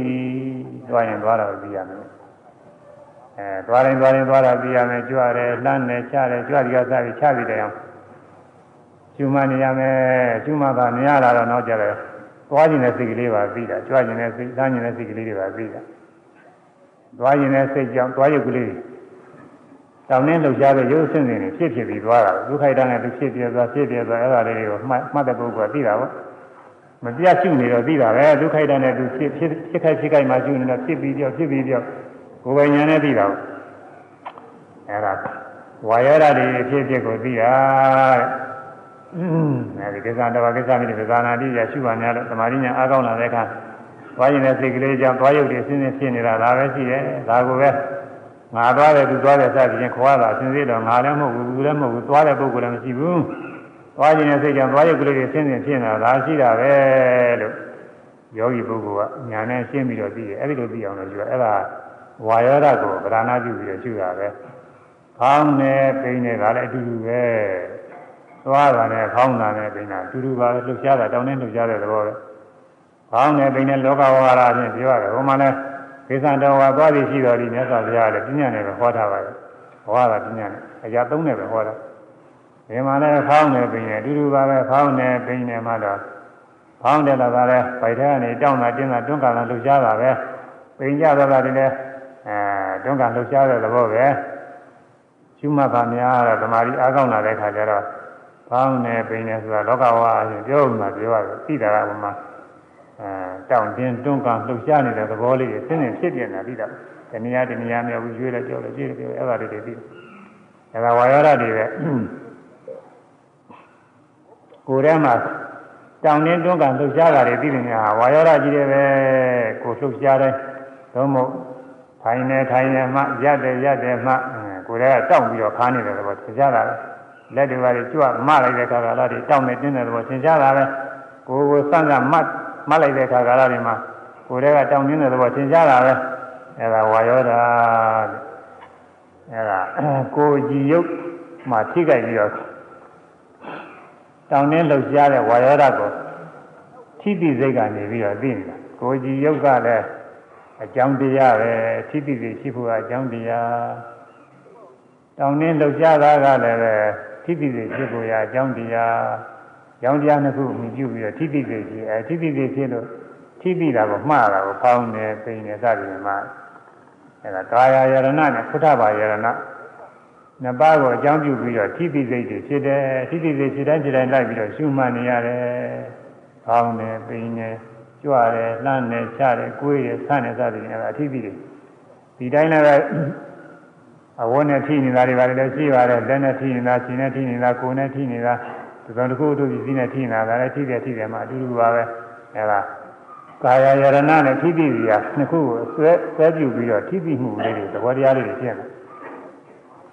ကိုကြည်ယုတ်ကိုကာယယရဏဟုခေါ်သည်တွေ့ထိစီယယုတ်ကိုဖုဒ္ဓဘာယရဏဟုခေါ်သည်ဆိုရမယ်ကိုကြည်ယုတ်ကိုကာယယရဏဟုခေါ်သည်ထိတိစီယယုတ်ကို ဖုဒ္ဓဘာယရဏဟုခေါ်သည်ကိုကြည်ယုတ်ကိုကာယယရဏဟုခေါ်သည်ထိတိစီယယုတ်ကိုဖုဒ္ဓဘာယရဏဟုခေါ်သည်ဝိထိစီယယုတ်လည်းဆိုနိုင်ပါလေဒီလိုပါပဲအဲဒါပြီးတော့နောက်တစ်ခုပဲညာတော့ငါးစုံပြီးပါရင်အာယရဏငါးစုံဆိုတော့30အာယရဏ10ပါပြီးပါ မျက်စိနားနှာခေါင်းလျှာကိုယ်ဒါကရုပ်အာယရဏကြီးတယ်ပဲအတွင်းဘက်ကလည်းရုပ်အာယရဏဒီဘက်ကလည်းရုပ်အာယရဏရုပ်အာယရဏတစ်စုံတစ်စုံတစ်စုံငါးစုံ10ခုပြီးသွားပြီဒါရုပ်တရားကြီးတယ်နာမပေါက်တယ်မှာမျက်စိကလည်းရုပ်အဆင်းကလည်းရုပ်နားကလည်းရုပ်အသံကလည်းရုပ်နှာခေါင်းကလည်းရုပ်နားကလည်းရုပ်လျှာကလည်းရုပ်ရတာကလည်းရုပ်ကိုယ်ကြီးကလည်းရုပ်တွေ့ထိစရာကလည်းရုပ် ရုပ်ကြီးတယ်ပဲဒီမှာရုပ်တရားကြီးတယ်ရုပ်အာယနာ10ပါးအဲဒီခါနာအာယနာတွေပါလာတော့မယ်မနာယရဏတဲ့ဓမ္မယရဏမနာယရဏအဲစိတ်စိတ်နှလုံးနှလုံးထဲဥမှန်ညာစိတ်ကြည့်ရဲဆိုတော့စိတ်စိတ်တွေထနေတယ်စိတ်နှလုံး စိတ်နှလုံးကိုမနာယရဏကိုခေါ်သည်တဲ့စိတ်နှလုံးကဘာစိတ်တော့ဆိုရင်ဘဝင်စိတ်ရှင်းနာကဘဝင်စိတ်တွေရှိတော့နောက်ကဝိသိစိတ်တွေဖြစ်လာတာဘဝင်စိတ်ဖြစ်လို့ဝိသိစိတ်တွေဖြစ်ရတယ်အဲဝင်စိတ်ဆုံးသွားတဲ့အခါမှာအာဝေဇန်းဆိုဆင်ញင်တဲ့စိတ်ကလေးရှိတယ်ဘာပါလိမ့်ဆိုရင်မျက်စိရဲ့အဆင်းကြလာရင်ဘာပါလိမ့်နားရဲ့အဆင်းကြလိုက်ဘာပါလိမ့်ဆင်ញင်တာရှိတယ်အိပ်ကျော်တနေ့ကတော်တော်ကြောက်ဖို့အိပ်ကျော်ကအပန်ကြပြီးနိုးလာတာနဲ့ဥပမာပြောထားတယ် တရားပင်အောင်အိတ်နေတဲ့ပုဂ္ဂိုလ်ဒီကဒီကဒိုင်းနဲ့ကြွေကြလိုက်တော့အေးရလန့်နိုးလာပြီဘာပါလဲစဉ်းစားတာလေအဲဒီလိုပဲဒီမှာမြင်နိုင်ကြတယ်ဒေါရ6ပါးမှာအာယုကြလာတိုင်းကြလာတိုင်းဟာရှင်းဥစွာစဉ်းစားကြည့်စောစောကအိပ်ကျော်နေတယ်လို့ဝင်စိတ်တယ်အဲ့ဒါတွေကတော့အခုမြင်တဲ့ကြားတဲ့အာယုန်တွေအာရုံပြုတာမဟုတ်သူ့အာယုန်နဲ့ဆိုပရိသေကလည်းရလာတယ်ပရိသေကရတဲ့အာယုန်လေးမှာဝုတ်ပြီးတော့တင်းနေတာ အိမ်မောကြနေတဲ့ကအဲ့ဒီစိတ်ကြီးတဲ့ဝင်စိတ်ကြီးတဲ့ဖြစ်မှာဘာမှမသိဘူးဘာမှမသိဘူးဆိုရင်လည်းသူ့အာရုံနဲ့သူတော့သိနေတယ်အဲဘာအာရုံသိနေတယ်ဆိုတာကိုယ့်ဟာကိုယ်တိုင်ပြောနိုင်တယ်အဲဒီတော့ဘဝင်ကြနေရကဒီမျက်စိနဲ့ဆင်းကြလာတယ်နားနဲ့အပန်ကြလာတယ်စသည်ဖြင့်အာရုံကြလာတဲ့အခါမှာဆင်ញင်မှုဖြစ်လာတယ်ဘာပါလဲဆိုရင်လည်းဖြစ်လာ အဲဒါအာဝေဇန်းစိတ်သူလည်းပဲစိတ်နှလုံးပဲဘဝင်ကလည်းစိတ်နှလုံးအာဝေဇန်းဆင်ញင်တာလည်းစိတ်နှလုံးအဲဒီစိတ်နှလုံးတစ်ခုစိတ်နှလုံးကိုအကြောင်းပြုဝင်ကဆက်ပြီးအာဝေဇန်းဖြစ်လာတာဝင်အာဝေဇန်းဆိုတာလည်းကြားလာတာမဟုတ်ဝင်ကဝင်ကနေပြီးတော့အားကောင်းပြီးထလာတာအစားကသူ့အာရုံနဲ့သူ့အာရုံပြုနေတယ်အခုကြောက်တဲ့အာရုံကိုဘာပါလိမ့်စဉ်းစားတာဖြစ်တယ်ဝင်တဲ့အာဝေဇန်တစ်ဆက်တည်းပါပဲဒီမျိုးတည်းကဝင်တဲ့အာဝေဇန်က အဲဝင်တဲ့အာဝေဇန်ကမနာယရဏအဲဝင်စိတ်ဝင်စိတ်အာဝေဇန်စိတ်ကိုဝင်စိတ်သင်ញင်စိတ်ဒီမှာအာဝေဇန်ဆိုဆိုရခဲ့ဘဝင်တော့ဒီတိုင်းထားမှပြင်မှာဘဝကြီးကြောင်းဒါကတော့နားမလည်ဘူးဘဝကြီးစိတ်ပိုင်းတဘဝလုံးဟာအဲ့ဒီဘဝင်စိတ်တွေဆက်ပြီးတော့ဖြစ်နေတဲ့ကာလပတ်တော့အသက်ရှင်နေတာပဲပရိသေတွေကလည်းစပြလာတာဆက်ကဆက်ကသူဖြစ်နေတယ် ကြားတဲ့မြင်ကြကြတဲ့ရှိတဲ့ကမြင်စိတ်ကြားစိတ်တွေဖြစ်တယ်အဲ့ဒါလည်းသူကသူကနေပြီးတော့ထဖြစ်လာတာပါပဲနောက်ပြီးတော့ဘဝင်ပြန်ဖြစ်နေအိပ်ကျော်တဲ့ဘောဖြစ်နေအဲ့ဒီဘဝင်စိတ်အစဉ်မပြတ်လို့ရှိရင်မသေးသေးဘူးနောက်ဆုံးသေးတယ်ဆိုတာအဲ့ဒီဘဝင်စိတ်စဉ်ပြတ်သွားတာပဲနောက်ဆုံးသုတိစိတ်ဆိုတာအဲ့ဒီစိတ်ပဲနောက်ဆုံးပြတ်တယ်အဲဒါဘဝင်စိတ်ဆင်ញင်စိတ်ဘဝင်စိတ်ဆင်ញင်စိတ်ကိုမနာယရဏဟုခေါ်သည်လို့မှတ်ရ။ အဲဆိုကြသမှာသူအနေနဲ့ဆိုခဲ့တယ်။ဘဝင်စိတ်ဆင်ញင်စိတ်ကိုမနာယရဏဟုခေါ်သည်။ဘဝင်စိတ်ဆင်ញင်စိတ်ကိုမနာယရဏဟုခေါ်သည်။စိတ်ဆင်ញင်စိတ်ကိုနာယရဏဟုခေါ်သည်ဘဝင်စိတ်နဲ့ဆင်ញင်စိတ်နှလုံးစိတ်နှလုံးဆိုတာသူ့ပြောတာနှလုံးရုပ်ပြောတာမဟုတ်ဘ ဝင်စိတ်စဉ်ရင်စိတ်မနာယရဏအဲဒီမနာယရဏမှာသဘောတရားအာယုန်နဲ့ချင်းတယ်ချင်းတယ်ဆိုသူကနေပြီးတော့မှန်းဆပြီးယူရပါဘူးစဉ်ရင်စိတ်ကတော့ဒီကြမှန်းဆပြီးဒီကြတိကြနားလည်ကိုဖြတ်တယ်သူ့ဟာတိုင်းမှတ်ထားတာစဉ်ရင်စိတ်ကတော့ဒီကြအောင်ပြုတာစဉ်ရင်စိတ်ကတော့ဘာရတဲ့တိတိကြမှုလားဘာပါလိမ့်ဆိုပြီးစဉ်ရင်တာလေအဲဒါမနာယရဏတဲ့စိတ်နှလုံးရှိလို့တဲ့ နောက်ကဆက်ပြီးတော့ဇောဇောစိတ်တွေစိတ်စိတ်တွေရှိရတယ်အကယ်၍သာသင်ញင်မှုမဖြစ်ပေါ်လာရင်မရှိဘူးအိပ်ပေါ်အိပ်ပျော်နေပြီနာကာလပတ်လုံးတချို့ကလေးတွေပါလေငယ်ရွယ်တဲ့ပုဂ္ဂိုလ်တွေတသမာတိအိမ်နာပဲဒနာရီလုံးလုံးလည်းအိပ်ပြောတာမနိုးဘူးတချို့ညာဥကနေအိရိကမနဲ့ကြမှာနိုးဒီလိုဟာလည်းရှိတာပဲရားထဲမှာလည်းမနိုး ရားတဲ့အိမ်မကလေးပါလည်းမဲ့တာလည်းရှိတယ်အိမ်မက်မဲ့တာလည်းနိုးတာပဲမှန်တော့အိမ်မက်မဲ့တာလည်းပဲဝင်စိမ့်မဟုတ်နိုးတဲ့စိတ်တွေဒါပဲမဲ့လို့နိုးလိုက်အိပ်ပြောလိုက်နိုးလိုက်အိပ်ပြောလိုက်မို့ပြီးပြီးသားကမသိရတော့ကိုယ့်ဟာကိုယ်နိုးမှမသိဘူးအိမ်မက်လို့အိမ်မက်လို့ပြောရတယ်စိတ်ကူးတွေပဲဆိုအိမ်မက်ဆိုတာလည်းစိတ်ကူးပဲအဲဘဝင်စိတ်ဘဝင်စိတ်ဆင်ញင်စိတ်ကိုမနာယရဏဟုခေါ်တယ်မနာယရဏ အဲ့ဒီမနာယရဏရှိလို့တဲ့ဝင်စိတ်ဆင်ရင်စိတ်ဝင်စိတ်အရင်းကလည်းရှိလို့ဝင်စိတ်မရှိရင်ဆင်ရင်စိတ်လည်းမဖြစ်နိုင်ဘူးအဲဝင်စိတ်တတ်တဲ့နဲ့လည်းပဲဟိုတဲ့စဉ်းစားစဉ်းစားတဲ့ဇောစိတ်တွေဆိုတာမဖြစ်နိုင်ဘူးအဲဆင်ရင်စိတ်ကလေးလည်းရှိမှာဝင်စိတ်ဆင်ရင်စိတ်ကိုမနာယရဏကိုခေါ်ပြီးဘုံနှစ်ခုရှိလို့ကြံပြီးစိတ်တွေဖြစ်ရတယ်ဟိုဒီတောင်တော်မြတ်ဘုရားမြင်မိသားတွေကြံကြားပြီးသားနာမိသားစသဖြင့်ပြီးသားတွေ့ထိပြီးသား ယခုလောလောဆယ်မြင်လာကြတာတွေရှိကမြင်ငယ်ကြားခဲ့တာတွေဒါတွေလျှောက်စဉ်းစားမမြင်မကြားပဲနဲ့နောင်ရည်တွေလျှောက်တွေးဟိုလိုတွေးလိုက်ဒီလိုတွေးလိုက်အမျိုးစုံပေါ်လေးကတော့သဘောအာရုံတွေဆိုတာကတော့စိတ်ကူးအာရုံတွေပါပဲသဘောအာရုံတွေလို့ပါဠိလိုကတော့ဓမ္မလို့အဲဓမ္မယရဏလို့ခေါ်တယ်သဘောအာရုံမှန်ကတော့စိတ်ကူးအာရုံတွေပဲစိတ်ကူးပြီးယူတဲ့အာယုံတွေစိတ်ကူးအာယုံအဘောတရားကိုခေါ်တဲ့စိတ်ကူးအာယုံကို ဓမ္မယရဏကိုခေါ်သည်လို့ခေါ်ပြီးလို့မှပေါ်လာတယ်တော့ပေါ်မှာအဘောတရားခေါ်တဲ့စိတ်ကူးအာယုံကိုဓမ္မယရဏကိုခေါ်သည်ဆိုရမယ်သဘောတရားခေါ်တဲ့စိတ်ကူးအာယုံကိုဓမ္မယရဏကိုခေါ်သည်ဘောတရားခေါ်တဲ့စိတ်ကူးအာယုံကို ဓမ္မယရဏဟုခေါ်သည်သဘောတရားခေါ်တဲ့စိတ်ကူးအာယုံကိုဓမ္မယရဏဟုခေါ်သည်ဆိုတော့အဲမနာယရဏနဲ့ဓမ္မယရဏ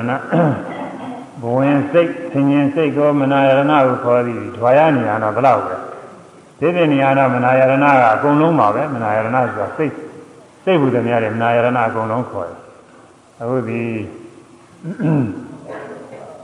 ဓဝါရနဲ့ဆိုင်တဲ့နေရာမှာတော့ဘဝင်စိတ်နဲ့သင်ញင်စိတ်ဒါကိုမနာယရဏလို့ခေါ်သည်သူခွဲဦးမှဒီမှာတော့ဟိုမနာယရဏတွေမပါဘဲနဲ့ဖြင့်ဝင်စိတ်ဆင်ញင်စိတ်ကိုမနာယရဏကိုခေါ်သည်။ပါမညာအားဖြင့်စိတ်ဟူတဲ့မြတ်ကိုမနာယရဏကိုခေါ်သည်ဒီလိုမှဒီလိုမှကြိုက်တယ်။ကြိုက်ဆိုရအောင်လေ။ ဝင်စိတ်ဆင်ញင်စိတ်ကိုမနာယရဏကိုခေါ်သည်။ပါမအားဖြင့်စိတ်ဟူတဲ့မြတ်ကိုမနာယရဏကိုခေါ်သည်။ဝင်စိတ်ဆင်ញင်စိတ်ကိုနာယရဏဟုခေါ်သည်သမ္မာအားဖြင့်စိတ်ဟူသည်မြတ်ကို နာယရဏဟုခေါ်သည်ဝင်စိတ်ဆင်ញင်စိတ်ကိုနာယရဏဟုခေါ်သည်သမ္မာအားဖြင့်စိတ်ဟူသည်မြတ်ကိုနာယရဏဟုခေါ်သည်အဲမနာယရဏနဲ့ဓမ္မယရဏနောက်မျက်စိနဲ့အစင်းမြင်ပြီးတော့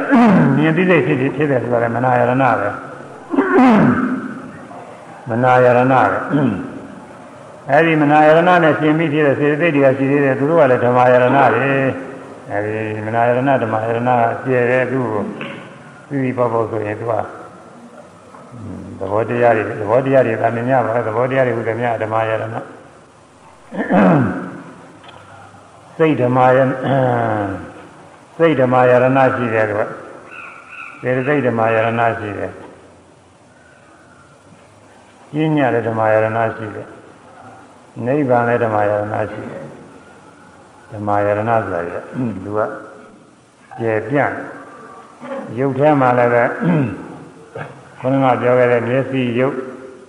အသင်းရုပ်နာရုပ်အတန်ရုပ်နှာခေါင်းရုပ်အနံ့ရုပ်လျှာရုပ်ရတာရုပ်ကိုကြည်ရုပ်တွေးထိစရာရုပ်ဆိုတဲ့အလုံးဩလာရိကရုပ်ခေါ်တယ်သူက12ခုရှိတယ်အဲဒီဩလာရိကရုပ်တွေမဟုတ်တဲ့သုခုမရုပ်တွေသိမ်မွေးတဲ့ရုပ်တွေရှိသေးတယ် အဲဒါတွေကလည်းစိတ်ကူးထဲမှာမှထင်တယ်သူကအဲဒါတွေဓမ္မယရဏတွေပဲပါနေအဲသုခုမရုပ်လည်းဓမ္မယရဏတွေပါတယ်စိတ်ဓမ္မယရဏစေတသိက်ဓမ္မအဲစိတ်စိတ်စိတ်ဓမ္မယရဏမဟုတ်ဘူးစေတသိက်စေတသိက်ဓမ္မယရဏဒုက္ခမယုတ်ဓမ္မယရဏစေတသိက်ဓမ္မယရဏနိဗ္ဗာန်ဓမ္မယရဏပညာဓမ္မယရဏอืม အဲဓမ္မယရဏမြည်ဓမ္မယုံဓမ္မယုံဆိုတာတွေကြတော့ဘူးကွာအဲဒီဩလာရိကယုတ်တိမှတပါးဆိုရင်အကုန်လုံးဓမ္မယုံထဲမှာအကုန်ဝင်နေတာပါပဲအဲဒီတော့ဓမ္မယဓမ္မယရဏဓမ္မယုံတွေကပြည့်ပြန့်အခုတော့သာမညဘယ်လောက်ပဲမှတ်ထားအောင်ပါ သဘောတရားခေါ်တဲ့စိတ်ကူးအာယုံနေတဲ့စိတ်ကူးအာယုံဆိုရင်စိတ်ကူးထဲမှာစိတ်ကူးလို့ရတဲ့အာယုံတွေအကုန်လုံးဒီကဓမ္မယရဏတွေပါပဲစိတ်ကူးထဲမှာပေါ်လာတာလေအဲဒါစိတ်ကူးတဲ့စိတ်ကူးတဲ့ရတဲ့အာယုံတွေဓမ္မယရဏအဲဒီမနာယရဏနဲ့ဓမ္မယရဏအကြောင်းပြုပြီးတော့စိတ်ကူးစဉ်းစားကြံနေတဲ့စိတ်တွေဖြစ်နေတယ်စိတ်ကူးစဉ်းစားကြံနေတဲ့စိတ်ဟာမနာယရဏ မရှိရင်မဖြစ်ဘူးဘဝင်နဲ့သင်္ញင်စိတ်မရှိရင်မဖြစ်ဘူးစိတ်ကူးလို့ရတဲ့အာယုံတွေမပေါ်ရင်လည်းဒီအာယုံကတော့မပေါ်မရှိပါဘူးစိတ်ကူးပေါ်တော့လာပါပဲအဲအဲဒီအာယုံအာယုံဓမ္မယရဏတွေလည်းရှိလို့ဖြစ်နေတယ်အဲတရားမိယာမနာယရဏနဲ့အာယုံဓမ္မယရဏနဲ့ဒီနှစ်ခုအကြောင်းပြုပြီးတော့ ကြံပြီးမှုသိကူးမှုစိတ်စေသိဏတရားတွေဖြစ်ကြံတတ်တဲ့စိတ်ကူးတတ်တဲ့ပုဂ္ဂိုလ်သတ္တဝါမရှိဘူးတဲ့ဒါလည်းယောဂီပုဂ္ဂိုလ်တွေရှုမှန်နေစိတ်ကူးတယ်စိတ်ကူးတယ်စဉ်းစားတယ်မှားလိုက်တဲ့အခါအဲစိတ်ကူးဆိုတာတွေကအပြည့်ပဲစိတ်ကူးတဲ့အာယုန်တွေကလည်းတခြားစိတ်ကူးလို့ရတဲ့အာယုန်ကပေါ်လာတဲ့အာယုန်ကတခြားစိတ်ကူးသိတဲ့အသီးလေးကတခြားဒုက္ခိုက်တာနဲ့သူဖြစ်ပြောက်သွားတာပဲပုဂ္ဂိုလ်သတ္တဝါတည်းဘာမှမရှိဘူး အဲ့ဒါတွေကိုသိရတယ်တဲ့အဲ့ဒီအကြောင်းကိုဝိပဿနာရှုလို့သိပုံကိုမြတ်စွာဘုရားဒီသုဒ္ဓနာပါဒနီနည်းမှာဒီနားမှာဆက်ဟောတာတယ်ဒါရီကယောဂီပုဂ္ဂိုလ်တွေနဲ့အမှန်တင့်လျော်ပါတယ်သက္ခုံအနိစ္စံဒုက္ခံအနတ္တသက္ခာယရဏံအနိစ္စံဒုက္ခအဲသက္ခုံအနိစ္စံဒုက္ခံအနတ္တ ဝိပရိနာမဓမ္မံသက္ခုံမျက်စိရောက်သည်အနိစ္စမမြဲဒုက္ခဆင်းရဲသည်အနတ္တအာရကောင်ကိုဝိပရိနာမဓမ္မပြောင်းလဲဖောက်ပြန်ခြင်းသဘောရှိ၏ရူပါဆင်းတို့သည်အနိစ္စမမြဲကုန်ဒုက္ခဆင်းရဲတို့သည်အနတ္တအာရကောင်မဟုတ် ဝိပရိနာမဓမ္မပြောင်းလဲဖောက်ပြန်ခြင်းသဘောရှိကုန်၏မျက်စိနဲ့အစဉ်မြင်တိုင်းမြင်တိုင်းမြင်တယ်မြင်တယ်မှမျက်စိနဲ့အစဉ်ဒီနှစ်ပါးကိုတွေ့ရတယ်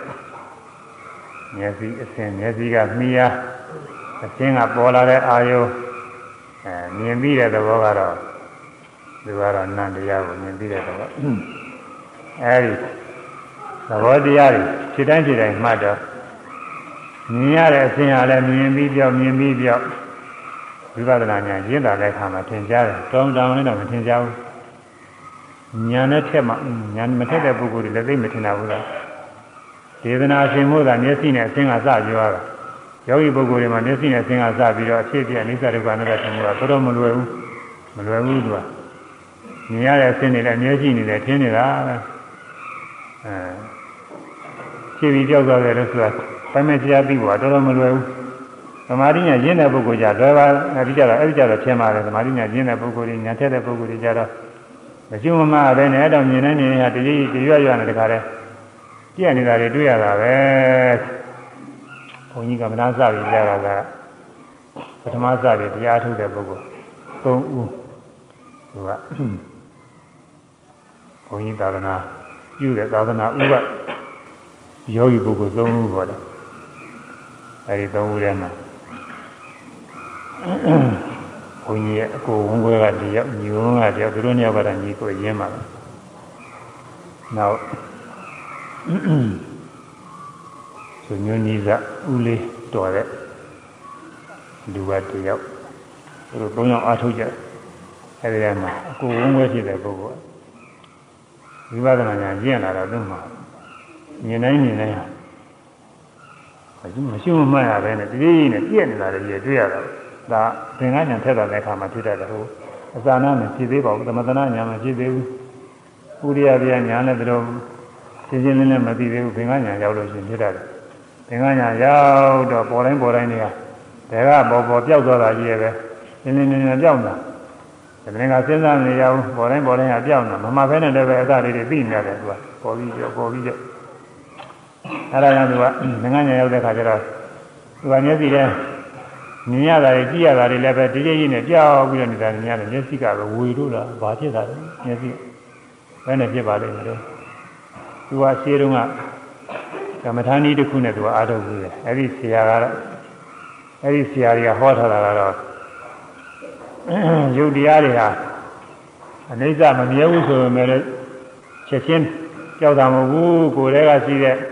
စိတ်ဒဇာယုတ်စိတ်ကြောင့်ဖြစ်တဲ့ယုတ်ကိုကိုယ်ကျင်တဲ့စိတ်ကြောင့်ကိုယ်ရုပ်ပေါ်တယ်ဆိုင်းနေတဲ့စိတ်ဆိုင်းရင်ဒီလိုရုပ်ကလေးတွေကတော့ချက်ချင်းပျောက်သွားတယ်ဖြစ်ပြီးပျောက်နုတဲ့နုညံ့တဲ့ရုပ်တွေကချက်ချင်းပျောက်တယ်အဲတော့အဲဟာရဇယုတ်ဟာရကြောင့်ဖြစ်တဲ့ယုတ်အဲဒီလိုပါရီအချိန်မွေးတာတွေကချက်ချင်းပျောက်တယ် ဒီဥဒုဇယုတ်တွေကတော့ဥဒုကြောင့်ဖြစ်တဲ့ယုတ်တွေကချက်ချင်းမပြောက်ဘူးအမှန်ကြာမှပြောက်တယ်ဒါတွေတော့ကိုချက်ချင်းပြောက်အောင်လို့ရှုရမလိုဘူးသိဖို့မလိုဘူးဆိုပြီးတော့သူတို့ဆရာဟောတာပြီးတော့အဲတုံတန်ကြောက်ခဲမြည်ကြီးကစသည်တွေပေါ့လေကိုကိုယ်လည်းပဲဒီမြင်ရတဲ့လက်တို့ခြေတို့ခေါင်းတို့ကိုယ်တို့ဗျာဒီညရုပ်တွေခေါ်တယ်သူတို့ကဒါတွေကတော့ချက်ချင်းကြောက်တာမဟုတ်ဘူးဒါတွေကတော့သူ အချိန်တန်မှအကြာအတန်ကြာမှကြောက်တယ်ဆိုပြီးတော့သူတို့ကဟောထားတာပေါ့အခုလည်းဒီလိုဟောတဲ့ပုဂ္ဂိုလ်တွေရှိတယ်လို့ကြားတယ်ဒီနေ့ကပဋ္ဌာန်းဆရာတော်တပါးဟောတယ်လို့ဆိုတာပဲကိုယ်ရယ်ဆိုလို့ရှိရင်อืมကိုယ်ရယ်ဆိုလို့ရှိရင်ဖြင့်ဝါယောဓကတာတောင်းနှင်းလောက်ကြတဲ့ဝါယောဓကတာသူထိုင်တာနဲ့သူဖြစ်ကြောက်တာ အဲလက်ရုပ်ကြီးကတော့ကိုဒါကြီးကတော့ကိုမကြောက်ဘူးဒါကတော့မတန်ကြမှာသေတဲ့ခါကာလကျမှဆွေးနေပြီးတော့ကြောက်မှမို့လို့အဲ့ဒီလိုဟောတယ်လို့ဆိုတယ်လို့အဲ့ဒါတွေကသူကိုယ်ပိုင်ညာကသဘောပေါက်လို့အဲ့လိုဟောတာအဲဒီလိုဟောထားတာသူပထမအသိထားတာဒီကိုကြီးတို့ကိုလုံးရုပ်တည်ရဲ့အဝတ်အစားတို့နေရာထိုင်ခင်းတို့အဲပြီးတော့မြေကြီးတို့ဘာတို့ပေါ့လေသစ်ပင်တို့အဲ့ဒါတွေဟာ ရုပ်တည်ကြောက်တဲ့ဟာတွေမဟုတ်ဘူးကြာမှသာဆွေးမြေပြီးတော့တဖြည်းဖြည်းမှကြောက်တဲ့ဟာတွေအဲဒီလိုသူကယူဆတယ်အခုဘင်္ဂညာရောက်တဲ့ခါကျတော့မရှိမှပဲနဲ့မြင်တိုင်းမြင်တိုင်းဟာတွေတရုပ်တရုပ်ရည်တရားရနဲ့ပျောက်ပျောက်နေတာတွေတွေ့နေတာပေါ့ကိုယ်တည်းက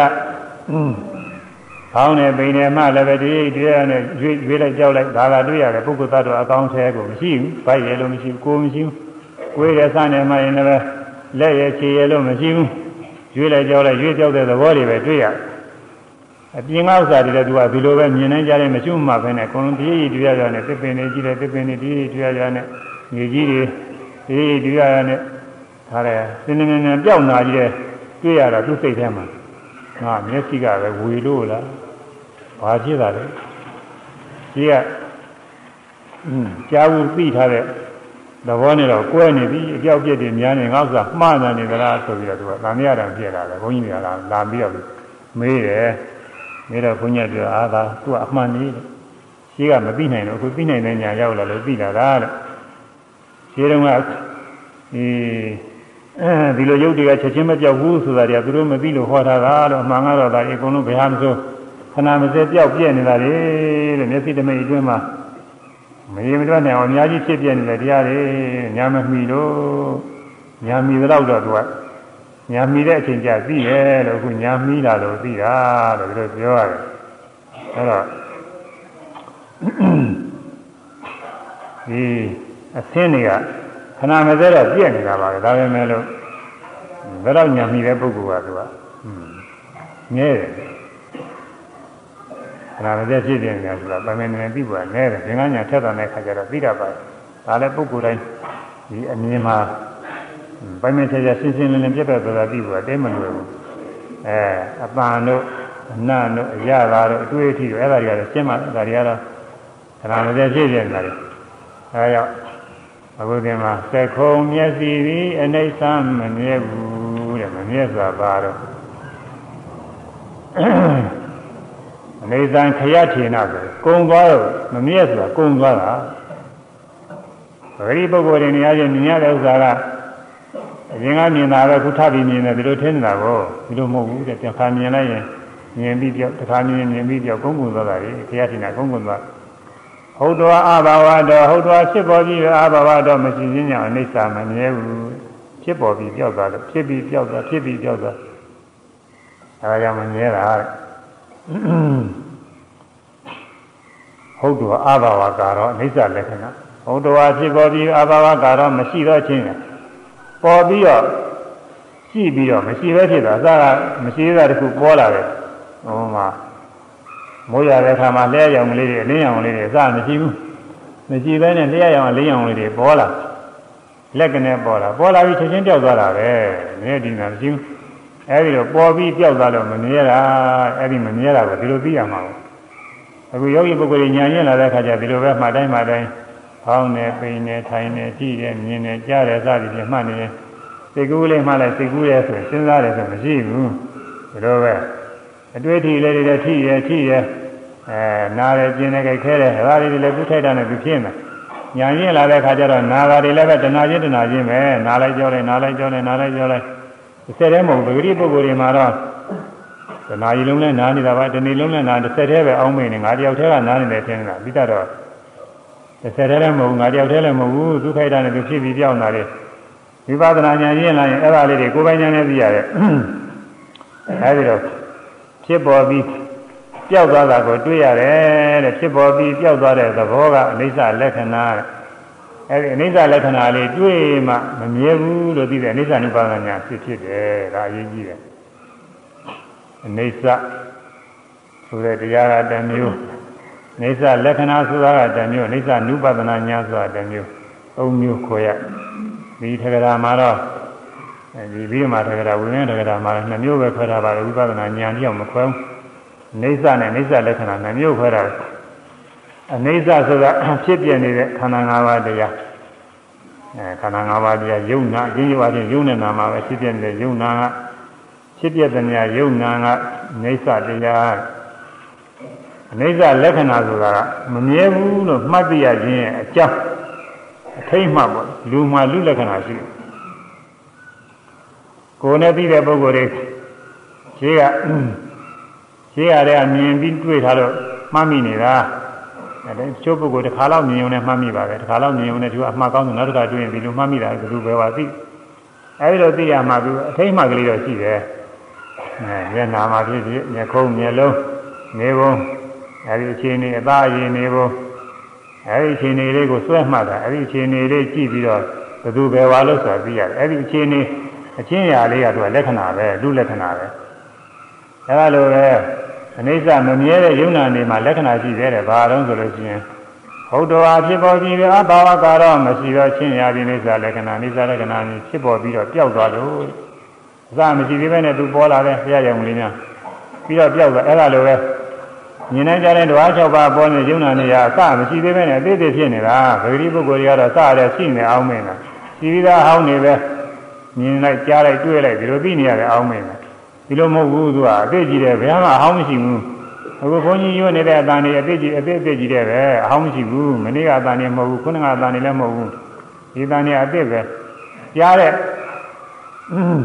ကြားသိမှုကလည်းအသိပဲ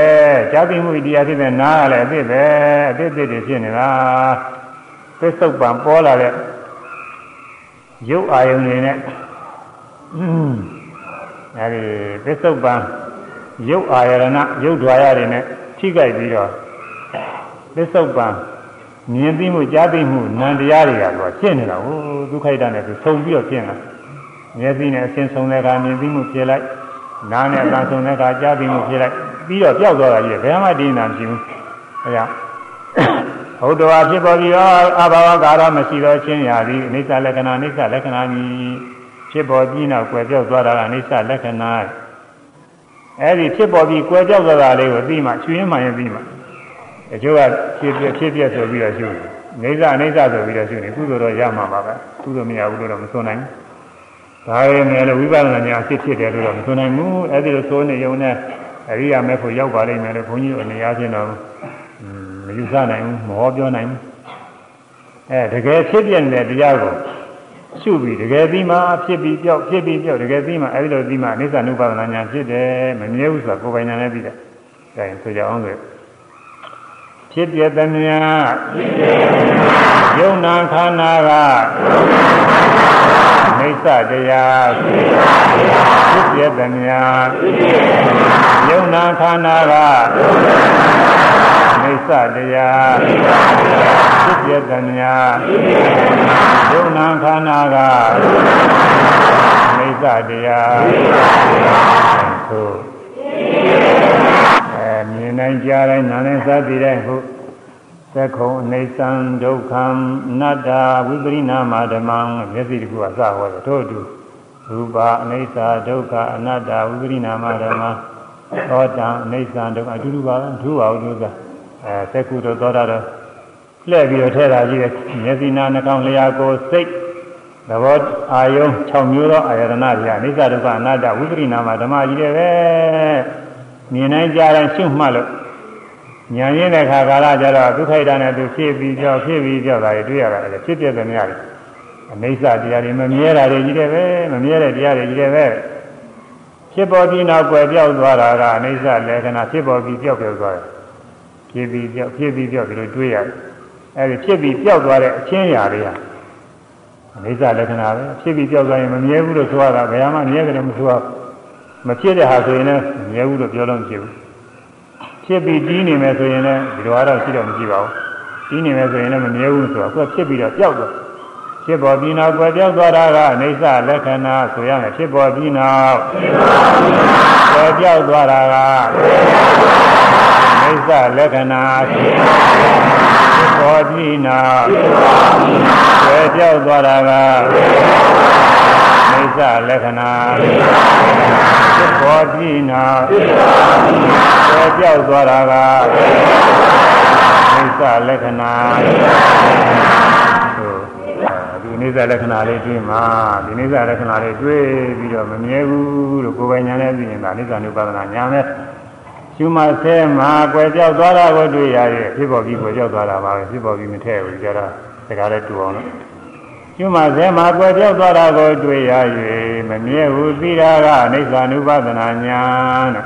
မြင်တယ်ကြားတယ်နားတယ်စသည်တယ်တွေ့တယ်ကိုယ်တယ်ဆန်းတယ်ထိုင်တယ်ထားတယ်ဖောင်းတယ်ပိန်တယ်ကြွတယ်လှမ်းတယ်ချတယ်စသည်ဖြင့်မှားရင်မှားရင်နဲ့ပေါ်လာတဲ့အာယုံရမှတ်သိတာရောပေါ်လာတဲ့အာယုံမှတ်သိတာရောသူထိုက်တာနဲ့သူ ဖြစ်ပေါ်ပြီးပြောက်သွားဖြစ်ပေါ်ပြီးပြောက်ပြောက်သွားခုန်ခုန်သွားဆုံးဆုံးသွားတာကြီးတွေ့နေရအဲ့ဒီခါမမြဲဘူးလို့ကိုယ်ပိုင်ညာဖြစ်လာတယ်မမြဲပဲဟုတ်တာပဲအစတော့စဉ်းစားလဲစဉ်းစားလဲသုံးသပ်တယ်သမထနာညာထိုက်တာမှာဟုတ်တာပဲမမြဲတဲ့တရားတွေဖြစ်ပြီးတော့ကမမြဲတဲ့တရားတွေပဲသုံးသပ်ဆင်ခြင်တယ်သုံးသပ်ဆင်ခြင်မှုများနေညာတော်မူတယ်ပဲနေတာလေအဲနောက်ကြတော့မသုံးသပ်ဆင်ခြင်မအောင်သိုံသိုံနဲ့ပြီးပါလေဖြစ်ပေါ်ပြီးကြောက်သွားလို့မမြဲဘူးဆိုတာသိနေတာ ဖြစ်ပေါ်ပြီးတော့ကွယ်ကြောက်သွားတာကိုအဲရှုမှဆဲမှာကွယ်ကြောက်သွားတာကိုတွေ့ရ၍မမြဲဘူးသိတာကအနိစ္စ ानु ပဒနာညာတဲ့ဒီကနေ့လည်းရှိရဲ့။ဒါရှုမှဆဲပြီးမှမရှုဘဲနဲ့ဒီတိုင်းဖြစ်ပြီးကြောက်သွားတော့မမြဲဘူးအနိစ္စပဲဒုက္ခပဲအနတ္တပဲဒီလိုဆင်းရဲနေုံနဲ့ကတော့ကိုယ်ပိုင်ညာမဖြစ်ပါဘူးဒါကတော့ပြက်မှထားလို့သူကနှလုံးသွင်းတာဆင်ញင်တာပဲကိုယ်ပိုင်ညာကိုယ်အသိမဟုတ်ဘူးငှားတာတဲ့ အခုမြင်နေကြတဲ့ဓဝါ၆ပါးလိုက်ပြီးရှုတဲ့ပုဂ္ဂိုလ်ကကျွင်းကျွင်းနဲ့ပျောက်ပျောက်သွားတာတွေတွေ့ရတော့အဲရှုမှသဲမှာကွယ်ပြောက်သွားတာကိုတွေ့ရပြီအဲဒီလိုတွေ့ရ၍မမြဲဘူးသိတာမမြဲဘူးဆိုကိုယ်ပိုင်ညာနဲ့ကိုတကယ်ကိုသိတာခင်ဗျားပြောလို့မဟုတ်ဘူးဆရာသမားဟောလို့မဟုတ်ဘူးအာနာပါနာနဲ့ယုံရတာမဟုတ်ဘူးကိုယ်ပိုင်ညာနဲ့သိတော့ဖြစ်ပေါ်ပြီးနောက်ပဲပြောက်သွားတာကိုတွေ့ရ၍မမြဲဘူးသိတာကအနိစ္စ ानु ပဒနာညာဆိုရမယ်ဖြစ်ပေါ်ပြီးနောက်မျိုးနဲ့ မှားတယ်ရှုမှဆဲမှာပြောက်ပြောက်သွားတာကိုတွေ့ရ၍မမြဲဘူးသိတာကနိစ္စ ानु ပဒနာညာရှုမှဆဲမှာပြောက်ပြောက်သွားတာကိုတွေ့ရ၍မြဲဟုသိတာကနိစ္စ ानु ပဒနာညာ ဥမဆေမပြောပြောက်သွားတာကိုတွေ့ရ၍မြဲဟုသိတာကနိစ္စ ानु ပဒနာညာဥမဆေမပြောပြောက်သွားတာကိုတွေ့ရ၍မြဲဟုသိတာကနိဗ္ဗာန်ဥပဒနာညာဆိုတာမှရှိတယ် မျက်စိရောဆင်းရောနားရောအသံရောပေါ်လာတဲ့များတွေရှုရှုတိုင်းရှုတိုင်းဟာအနေစာမမြဲတဲ့တရားတွေပဲဒုက္ခတဲ့မမြဲတာပြီးရင်ဒုက္ခဆင်းရဲတဲ့ပြီးတာပါပဲဆင်းရဲဆိုတာမကောင်းတာပါပဲနှိမ့်သက်တာပဲရှိတာပဂရိပုဂ္ဂိုလ်ကြီးအများအားဒီနေတယ်တင်တော့ဖို့တန်နဲ့အသုံးကြတယ်ထင်တာကိုအခုတော့ဖြစ်ပြီးပြောတာဖြစ်ပြီးပြောတာဘာမှအသုံးမကျဘူးဖို့မတန်တဲ့တရားတွေမကောင်းတဲ့တရားတွေပဲ သူတို့အကြောင်းပြုပြီးတော့ဆင်းရပြီးဒါတွေအကောင်းထင်ပြီးလိုက်လံရှားပွေးစောင့်ရှောက်ထိမ့်သိနေတာတောင်းလေးပြီးတော့အနတ္တအတ္တကောင်မှုတဲ့တရားဖြစ်ပြီးပြောက်သွားမှတော့ပဲအတ္တကောင်အသက်ရှင်တဲ့ကောင်ဟုတ်မလဲအများကထင်ထင်ဆွဲလန်းနေကြတာအသက်ရှင်တဲ့ကောင်ဆိုတာတစ်သက်လုံးတစ်ဘဝလုံးတီးနေတယ်ထင်တာပဲသိပြီးတဲ့နောက်တော့ဟိုဘဝဒီဘဝတီးနေတယ်လို့ထင်နေအဲဒီလိုထင်ထင်ဆွဲလန်းအပ်တဲ့ဥစ္စာအတ္တကောင်ခေါ်တယ်အဲဒီလိုအတ္တကောင်ဒီမှာမရှိဘူး အကျေဟောမယ်ဆိုဟောကြတယ်ရှိတဲ့ဒီမှာဒုက္ခတွေအနတ္တတွေဒီမှာတော့အချင်းချုပ်ပဲအချိန်နဲ့တော်တော်ကုန်သွားအဲအနေစာဖြစ်ပြီးကြောက်သွားတာတွေ့လို့မမြဲဘူးသိရင်ဒုက္ခလည်းထင်တာပဲအနတ္တလည်းထင်တာပဲအတ္တကောင်းမဟုတ်ဘူးသူကသူဖြစ်ဖြစ်နေတဲ့သဘောတရားမျှပဲကိုယ်လည်းအစိုးမရဘူးဆိုရတယ်ကိုယ်ရလို့မရှိဘူးငါမရှိဘူးအဲကျောင်းရလေဆိုတော့သူကသူဖြစ်ပြတာဖြစ်ပြတာခဏမစက်ဖြစ်ပြနေတဲ့သဘောတရားများလည်းရှိတယ်လို့ အဲလိုဒီကအနတ္တအတ္တကောင်းမဟုတ်အစိုးရတဲ့အတ္တကောင်းမဟုတ်ဝိပရိနာမဓမ္မံကျောင်းလဲဖောက်ပြန်ခြင်းသဘောရှိတယ်အစားကဖြစ်လာဖြစ်ပြီးတော့ပြောက်သွားမရှိဘူးကျောင်းလဲသွားဖောက်ပြန်သွားဒါအနိစ္စနဲ့အတူတူပါပဲဝိပရိနာမဓမ္မနဲ့အနိစ္စနဲ့အတူတူပဲအဲဒီလိုအာရဏ12ပါးလို့မြတ်စွာဘုရားအနိစ္စဒုက္ခအနတ္တဝိပရိနာမဓမ္မဒီလေးပုံနဲ့ ဝိပဿနာယောဂီတွေအတွက်ဟောထားပါတယ်ယောဂီတွေနဲ့လည်းမနာသင်ပြည့်ရတယ်ဗျာဒီချက်ဟောမယ်ဆိုရင်ဟောကြတယ်မနာကောင်းပါဘူးဆိုတော့အချိန်နဲ့တော်တော်ကြာသွားတော်တော်လည်းစုံသွားပါပြီအဲဒီအနိစ္စဖြစ်ပြနေတဲ့သဘောဖြစ်ပြီးပြတ်သွားလို့အနိစ္စမမြဲဘူးသိရင်ဒုက္ခဆင်းရဲတွေပဲဆိုတာလည်းထင်ပါတယ်ဒုက္ခဆင်းရဲတွေမှပြီးအနတ္တပုဂ္ဂိုလ်သားတော်မူတဲ့သဘောတရားတွေပဲဆိုတာလည်းသိပါတယ်အဲဒီလိုအနတ္တသဘောတရားတွေပြီးဝိပဿနာဉာဏ်ကျင့်တတ်တဲ့ခါကာလကျတော့ဖြစ်ပြနေယုံနာရှင်ရှင်ရှင်နဲ့ ယုံနာသင်္ခါရငြိမ်းတဲ့နိဗ္ဗာန်ကိုတွေ့မြင်သွားတာပဲအောက်တဆုံးသောတာပတိမဉ္ဇဉ်ပုညာဖြစ်တယ်သောတာပတိမဉ္ဇဉ်ပုညာဖြစ်ရင်သောတာပန်ဖြစ်သောတာပန်ဖြစ်ရင်အပေလေးပါမလားအောင်အပေလေးပါကဒုမြောက်သွားပြီတဲ့အဲ့ဒါလေးတဲ့ကျိုးကျေးဇူးလေးဆက်ပြီးတော့သိရအောင်ဘုန်းကြီးကဆောင်းမကလေးတွေစီထားပါတယ်တရားဟောတယ်ဟောတယ်ဒါအရေးကြီးလို့ထည့်ပြီးတော့ဟောရဒီနေ့လည်းဒီနေစာဒုက္ခအနာတ္တနဲ့စနေတာဒါလေး ဆိုရကြအောင်လို့အိဋ္ဌမြင်လင်ဒုက္ခချင်းသည်အိဋ္ဌမြင်လင်ဒုက္ခချင်းသည်အဲခဏတော်စက်ဖြစ်ပြနေတယ်ဆိုတာသိရင်ဒုက္ခဆင်းရဲတွေပဲမကောင်းတဲ့တရားတွေပဲဆိုတာသိတော့တာပေါ့ကောင်းတဲ့တရားတွေတော့ဘယ်သူမှမချင်းမနိုင်တော့ဘူး နေစမြင်လင်ဒုက္ခချင်းသည်ဒုက္ခချင်းတော့အနတ္တမြင်သည်ဒုက္ခချင်းတော့အနတ္တမြင်သည်အနတ္တမြင်နိဗ္ဗာန်တွင်ပြေဝင်ဆက်ရောက်သည်အ နတ္တမြင်နိဗ္ဗာန်တွင်ပြေဝင်ဆက်ရောက်သည်နိဗ္ဗာန်မြင်ကအပေမှလုံးဝလွတ်မြောက်သည်နိဗ္ဗာန်မြင်ကအပေမှလုံးဝလွတ်မြောက်သည် နိဗ္ဗာန်မြင်သွားတော့သောတာပတိနဲ့ကိုရသောတာပန်ဖြစ်တိုင်းပေလေးပါးမှလုံးဝလွတ်မြောက်ဒီပြန်နဲ့၅ပါးသီလလုံးရင်ပေလေးပါးလွတ်တယ်ဆိုတာရှိပါတယ်ဒါကတော့လုံးဝတော့မဆိုနိုင်ဘူးသူကအဲဒီသီလကုသိုလ်ရေးစွမ်းကြနောက်ဘဝပေလေးပါးမကြဘူးဘဝပေါင်းများစွာလည်းမကြပဲနေနိုင်ပါရဲ့ဒါပဲမလို့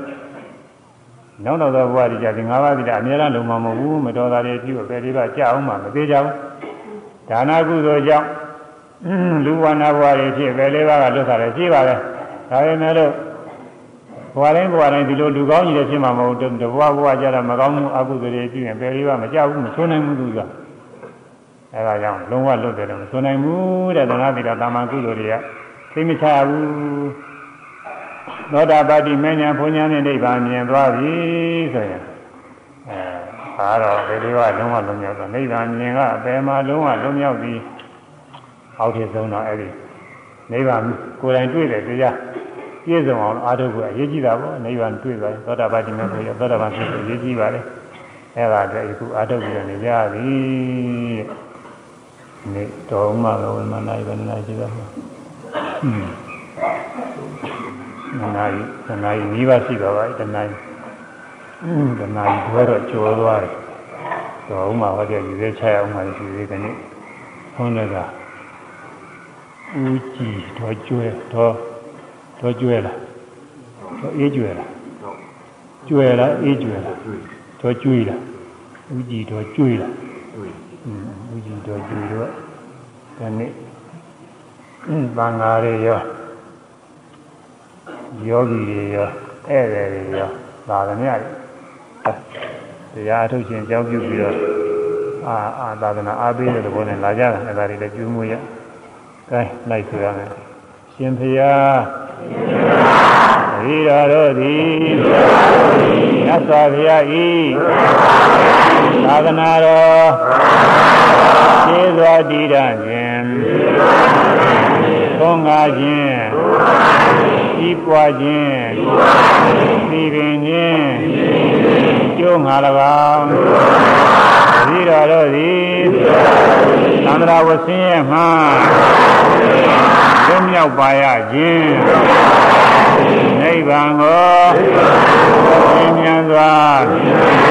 မျက်မှောက်ပြုပါရခြင်းကျိုးငါ၎င်းယနေ့နဲ့နဲ့အဲမွန်းနေ့နီးပါချိန်ကာလက